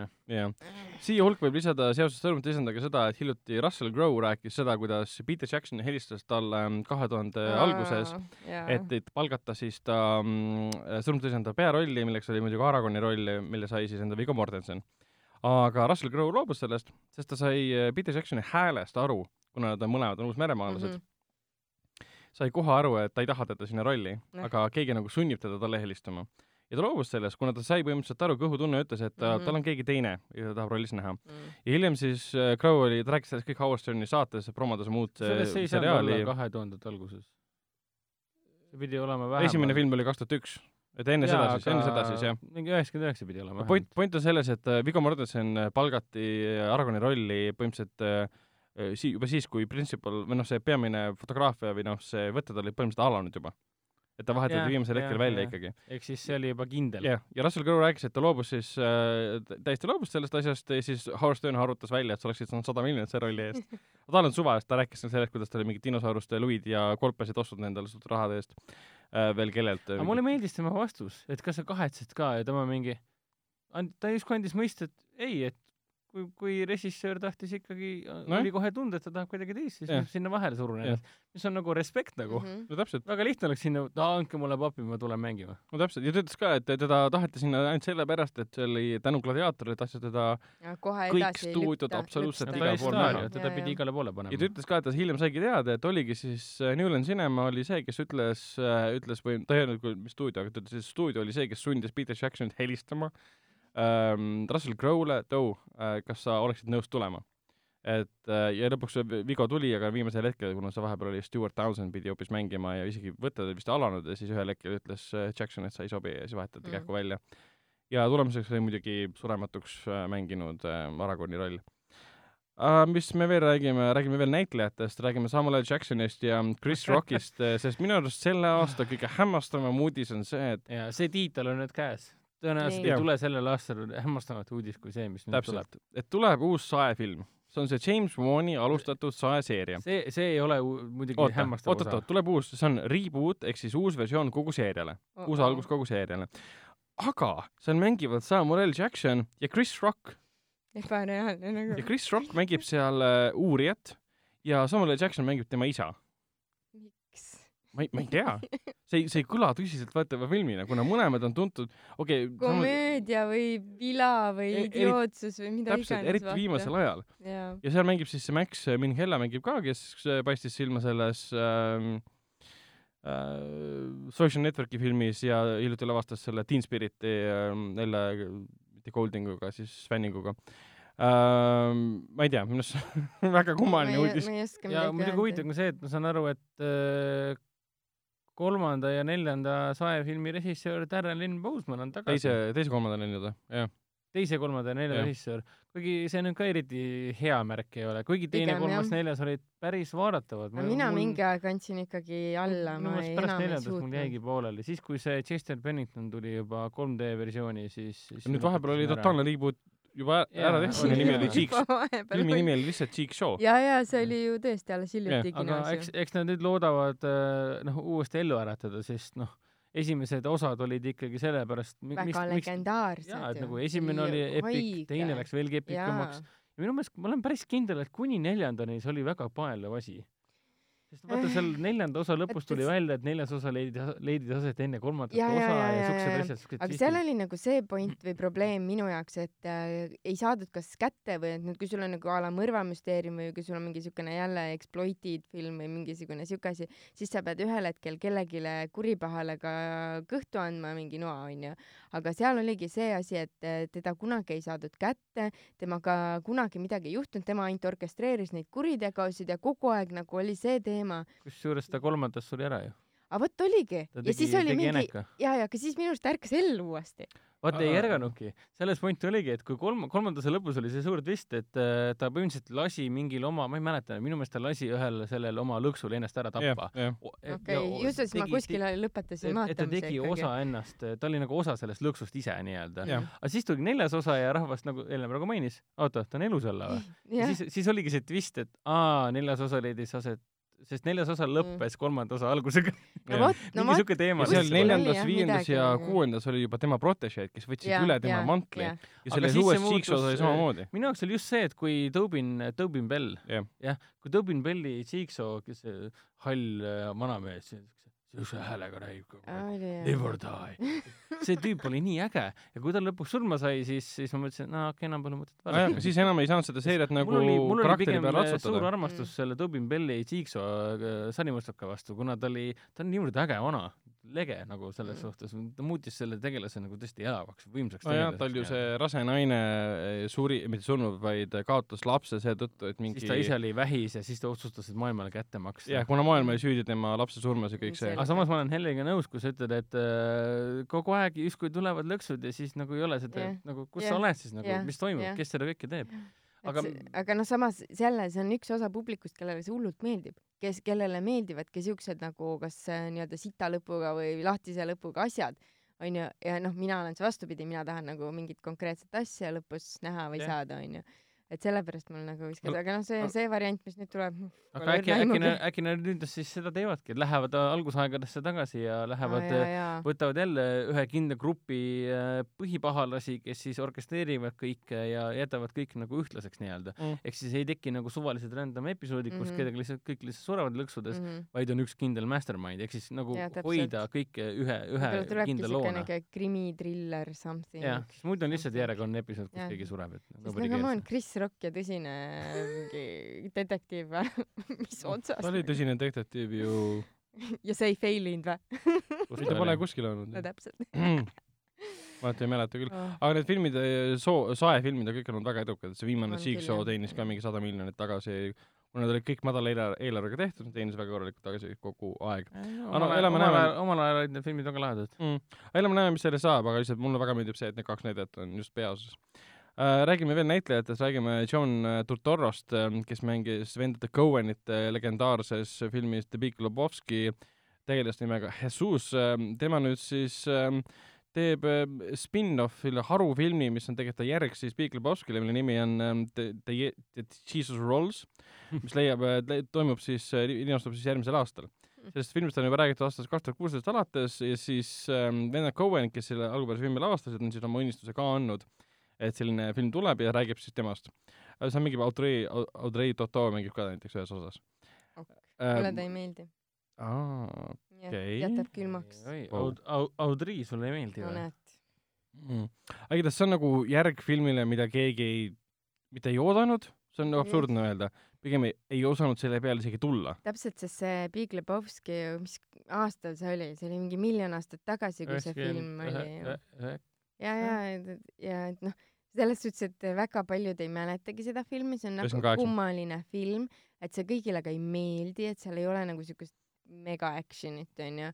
Ja et nüüd võtta mingi üks tegelane sealt ja teha temast film no.. aga see on mõistlik, sellepärast et see film ju elab äh, siiamaani oma elu. ja absoluutselt kõige..., me ju käisime seda isegi kinos no vaatamas, täpselt, meil oli siin kinoklassikas ja, ja filmil on minu meelest USA-s ja Lond- äh,, Inglismaal on olemas Lebowski filmifestivalid ka, kus iga Ah. aasta vaadatakse Lebowskit uuesti.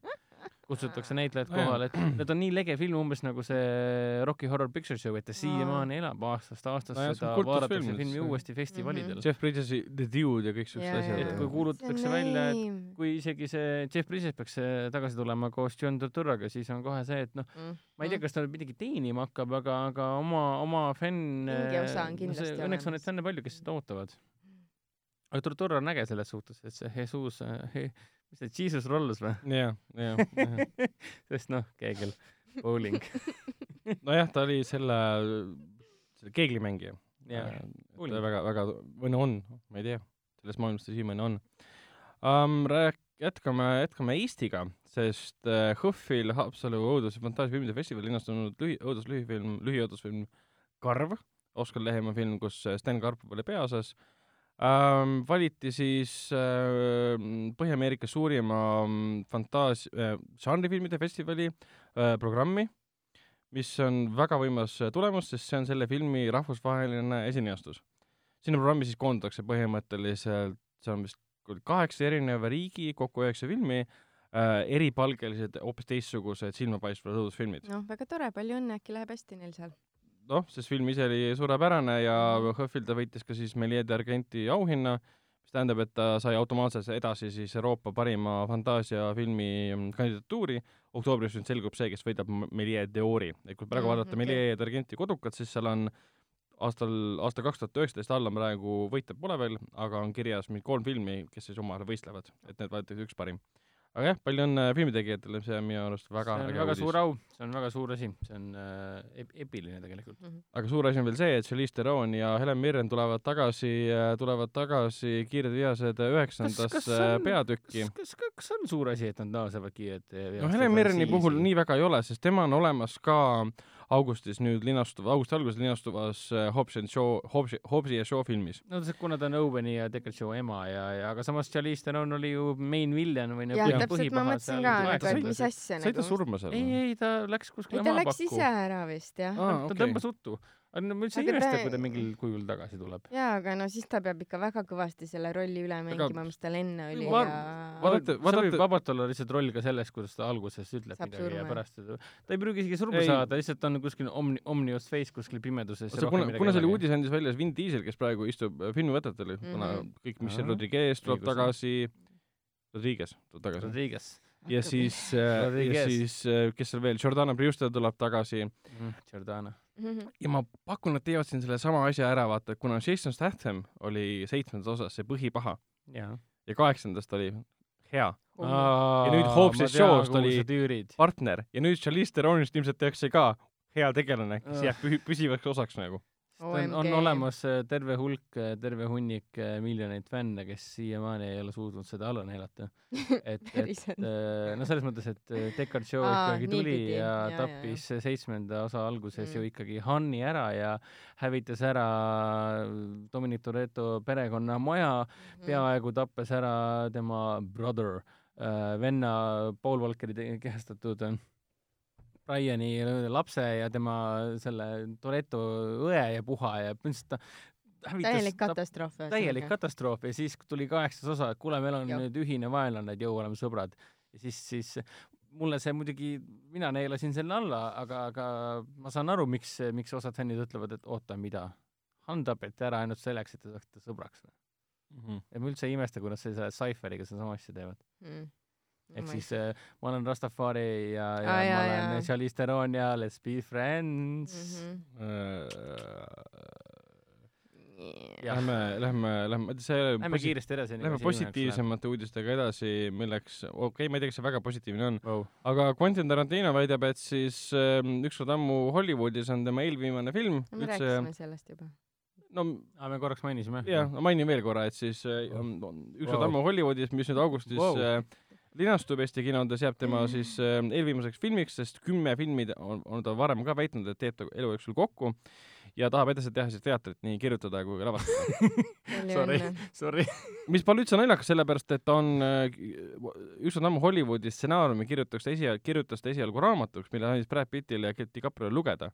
ja alles siis kirjutas selle stsenaariumi. ma ei usu. Ja ma ta, ta on seda varem ka teinud.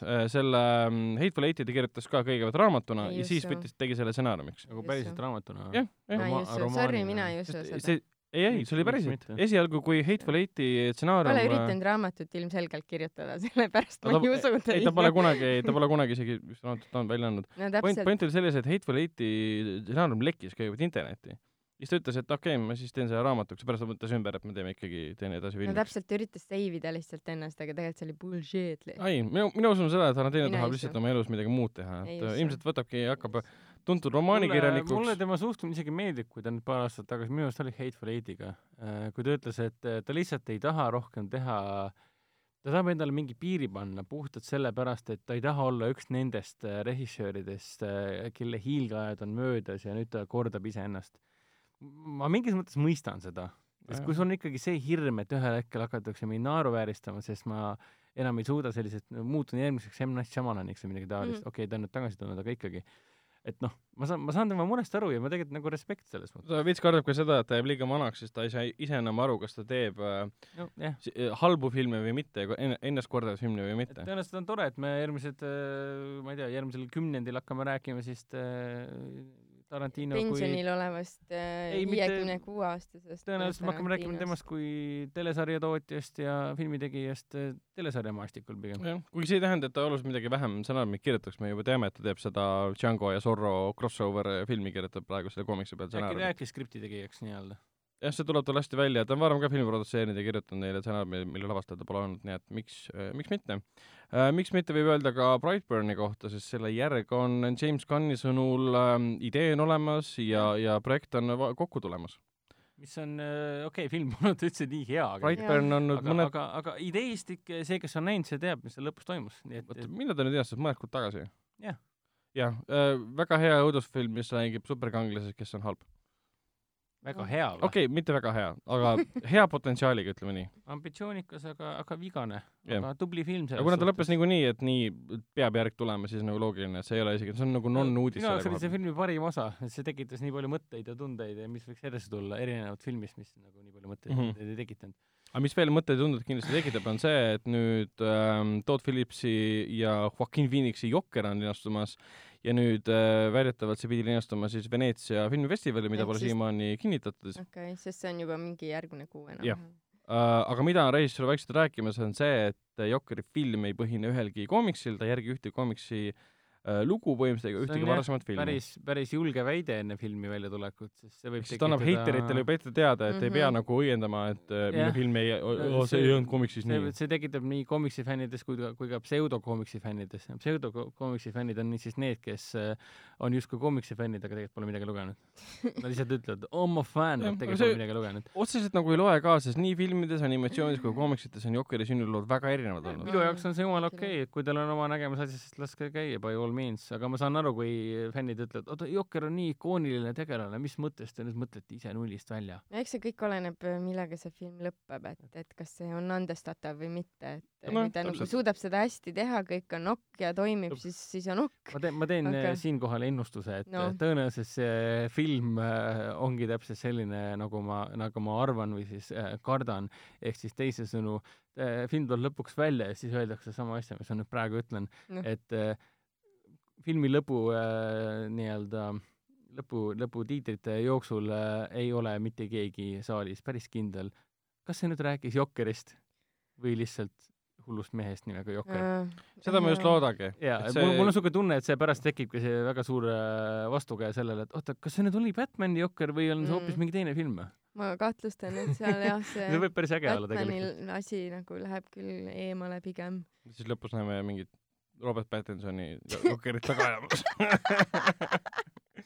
sest ta on põhiliselt kuulub samasse universumisse ikkagi. Jaa. siis ta peab jah käppelt tegema. Shazam, Aquaman, Wonder Woman äh, ja, ja ja Batman siis löövad kampa, et Jokkerit peatada. Palju õnne neile no ühel hetkel Margot Robbie peaks siis olema siis tema kaasa, ma saan aru. oota, kas nad ah,, neil on, Birds of Prey on väga ei, see, tegelikult see ei lähe omavahel üldse kokku, sest Jared Leto põhimõtteliselt ei tule Jokerina tagasi ja see film, vähemalt nii on Warner Brothers öelnud, et see seisab täiesti eraldi kõikidest nendest asjadest, mida nemad praegu teevad ma superkangelastega. ostsin juba Jaa, Jared jaa. Letoga bluusi, peal on Jokker ja siis peal on Damaged. Kui halb. ma olen, nii uhke. päriselt või? jaa, ma ei suutnud vastu panna, Jared Leto ikkagi. oota, Jared Leto versioon Jokerist on peale, siis otsa ette on kirjutatud Damaged või? Aa, okei. kusjuures, kusjuures äh, olgu see suitsiidisalk, mis ta oli, aga, aga musavalik ja, ja Margot Robbie ja, ja kõik kuradi, need olid kuradi lõbus, värviline. Amanda, Amanda Waller ja mis ta näitleja nimi nüüd oli, kes seda mängis, ma ei mäleta, Joel Kinnaman ja tea. Viola Davis või? jah, Viola Davis ja Jared Harry, Jared Leto nagu väga äge tegelikult nagu mina ostaksin ka endale särgi, kus äh, Jokker on vaata see, kus ta hoiab peas kinni ja suu lahti. ma ostaksin jaa. ma mõtlesin, et see Jokker võis olla nagu mingi tiinekate, emotiinekate mingi märguunistus, aga, aga fucking cool Jokker oli tegelikult. oleks ta saanud ekraani suurte hammastega ka, vaata nagu- hullult weird ta oli see, eriti see klubi tseen, kus, kus, kus siis, kus siis ta kiusas seal mingit mafioosnikku ka mm. Mhm. kui äge ta oli, kui imelikult ta rääkis ja jaa, pani jaa, oma jaa. käe selle oma, oma, oma Jaa. jalutuskepi peale ka ja Mhm, minu me-, minu meelest väga ilmekas siuke. Jared Leto täiega õunis seda te- tegelast, et eh, mul on nii kahju, sellest midagi välja ei tulnud. Te kuulsite siin saates seda esimest korda, Jared Leto Jokker on väga äge parem kui Heath Ledger, jah wow.. wow.. Need ei ole võrreldavad ju. Ragnar Novot, Lähme Ragnar räägime. Annabel Novot. anna veel.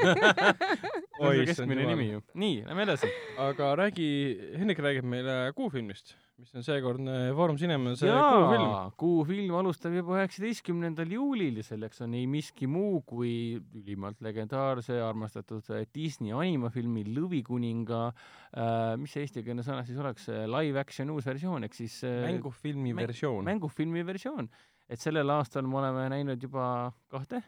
Dumbo, Aladin. Dumbo ja Aladin, Aladin on siiamaani kinos ja nüüd tuleb siis Lõvikuningas äh,, mis põhimõtteliselt nagu me oleme siin saates seda varem öelnud ka, mis näeb välja nagu äh, Aafrika äh, savanni dokumentaalfilm lõvidest. kust on puudu ainult Richard Attenborough voice-over. jah, et kui mina vaatan neid klippe, siis nagu ossa raisk, see on ikka täielik anim-, nagu täielik nagu CGI perfektsus, sest sul on päris loomad jooksevad ringi, aga samas, kui sa lõ- lõpus klippides, ma ikka otsin neid klippe meelega, et ma tahan, tahan nagu näha, kuidas nad reaalselt laulavad ja räägivad omavahel. Mm. et see on nagu nii uncanny näha, kas asi töötab ja, ja nagu töötab selles mõttes, et on hämmastav vaadata, et nagu okei okay,, sama režissöör tegi ju Iron Man ühe ja kahe ja siis muidugi ka Jungle Booki, nii et äh, mõni ime, et see on äh, sada protsenti CGI ja ta näeb epic välja.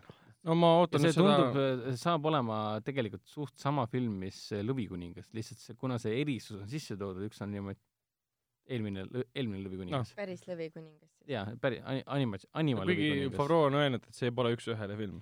jaa, ma olen ka aru saanud, et see Simba noorusaeg, et et Simba noorusaega on siin pikendatud olulisel määral. ma loodan, et mõne koha pealt on üks ja sama, sellepärast algupärases Lõvikuningas äh, seal on see põõsas, vaata see Pumba või Mumba, Simba vist oli või? Kes ühel hetkel äh, tantsib ja laulab ja paneb endale nagu seeliku selga, ma loodan, et ma loodan, et selles filmis on ka see stseen olemas, kus ta paneb endale mingi rohulilledest seeliku ja tantsib. Jungle. aga, aga see on ka täitsa põhjusega, miks ta meil äh, on juulikuu film, et nagu ta võiks olla ka nüüd paari kogu suvekuu film mingis mõttes, et äh, see on ikkagi väga ambitsioonikas tükk, mida ette võtta. üks asi on lihtsalt äh, teha live nagu mängufilmi versioon, aga teine asi on võtta kätte selline projekt, kus siis publik pole enam kindel enne filmi väljatulekut, et kas see on nüüd animatsioon või on ta mängufilm. sest noh, kus me ta Oscaritel siis paneme, kas paneme ta siis animatsiooni kategooriasse, kui ta sada protsenti computer generated imagery on. see oli ka ainuõige viis, kuidas seda filmi nagu remake ida, selles mõttes, et mis sa teed siis nagu. aga need lõvid näevad ikkagi väga šefid välja, selles suhtes pean tõdema. see on, ma olen väga, väga intrigeeritud praegu, et, et mismoodi see nagu suures saalis hakkab välja nägema. olen valmis kuulama Marko Matvere häälega mm. -hmm. tegel-, tegelast nimega Mufasa Mufasa täpselt. ja Skari mängib ju meie, noh, häältege-, häälenäitlejat teeb meil Eestis ju Mait Malmsten. Armi, Armi teeb äh,, Armi, jaa, Armi. Armi. kas Pääru ka loeb peale midagi? ma ei tule, kui Pääru ei loe peale. ei tule vaatama seda. okei, on aeg saade lõpetada. nii, aga siit on hea edasi minna äh, nädalavahetuse top äh, kolme juurde, mis olid Eesti kinodes edukamad äh, filmid, alustame kohe kolmandast kohast. jätkuvalt äh, viimased kuus nädalat on juba olnud top seitsmes sees, seekord siis kolmandal kohal Lemmikloomade salajane elu kaks. Teisele kohale jõudis loomulikult animatsioon, mis meeldib eestlastele, eriti lastele, Sabaga spioon. ja esimesele kohale jõudis Ämblik mees kodust kaugel, mis pole ka mitte mingisugune üllatus, sest USA kinodes ka film teenis üle viiesaja miljoni avanädala vahet, mitte USA kinodes, maailma kinodes kokku siis äh, viiesaja miljoni avanädala vahetusel. ja sobib ta põhimõtteliselt igale, igale vanusesse pu- publikule. absoluutselt ähm,. aga jah, siit lähme edasi meie saate viimase osa juurde, milleks on filmisoovitused ähm,. jätkuvalt soovitame vaadata ähm, Foorum Cinemas kinoklassika raames äh, Matrixit ähm,. lisaks mainime ära, et äh, sel nädalal alustavad siis kinodes äh, kurja kutsumise universumi ehk siis Conjuring univers, horror universumi siis ähm, seitsmes peatükk ehk siis Annabelli seeria kolmas osa.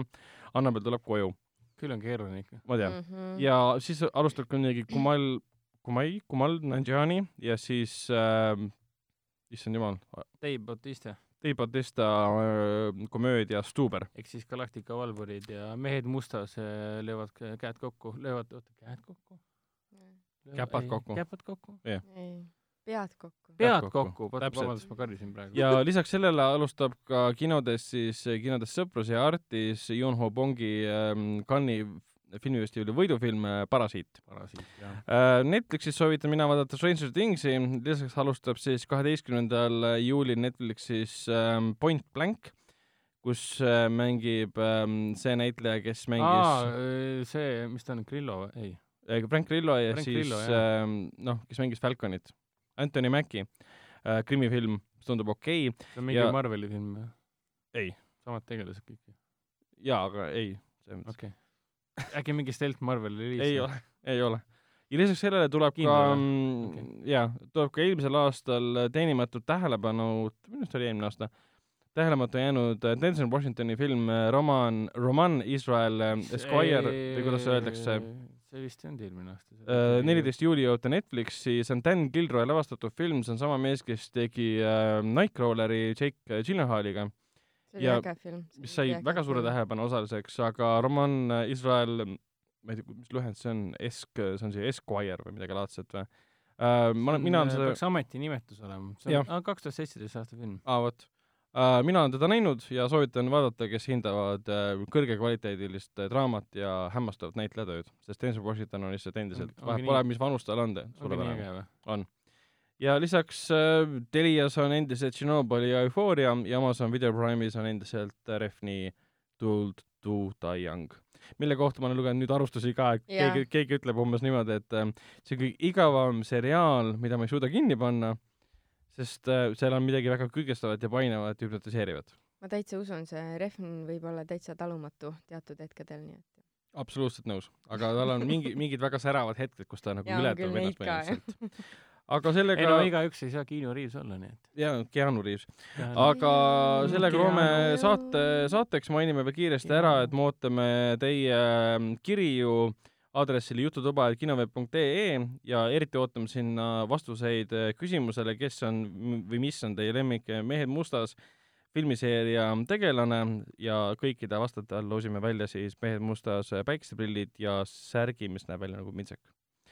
väga lahe. vot, aga kas ma endale ei saa sellist? ei saa, sina ei saa. Näh. võtan endale. elu on ikka nii raske. ise vastan, ise loosin endale. ja seda me ei tee, see ikka läheb lugejale. Vau, vot, aga Wow. mm, jah, järgmine kord. aitab naljast. ma toon sulle kodus pintsaku, äkki sellest piisab. jah, ma usun, et sellest äh, täitsa piisab. aga jah, loeme siinkohal saate saateks, mina olin äh, Ragnar, minuga koos olid saates nagu ikka Hendrik ja ja Helen. tšau. Bye-bye. tšau.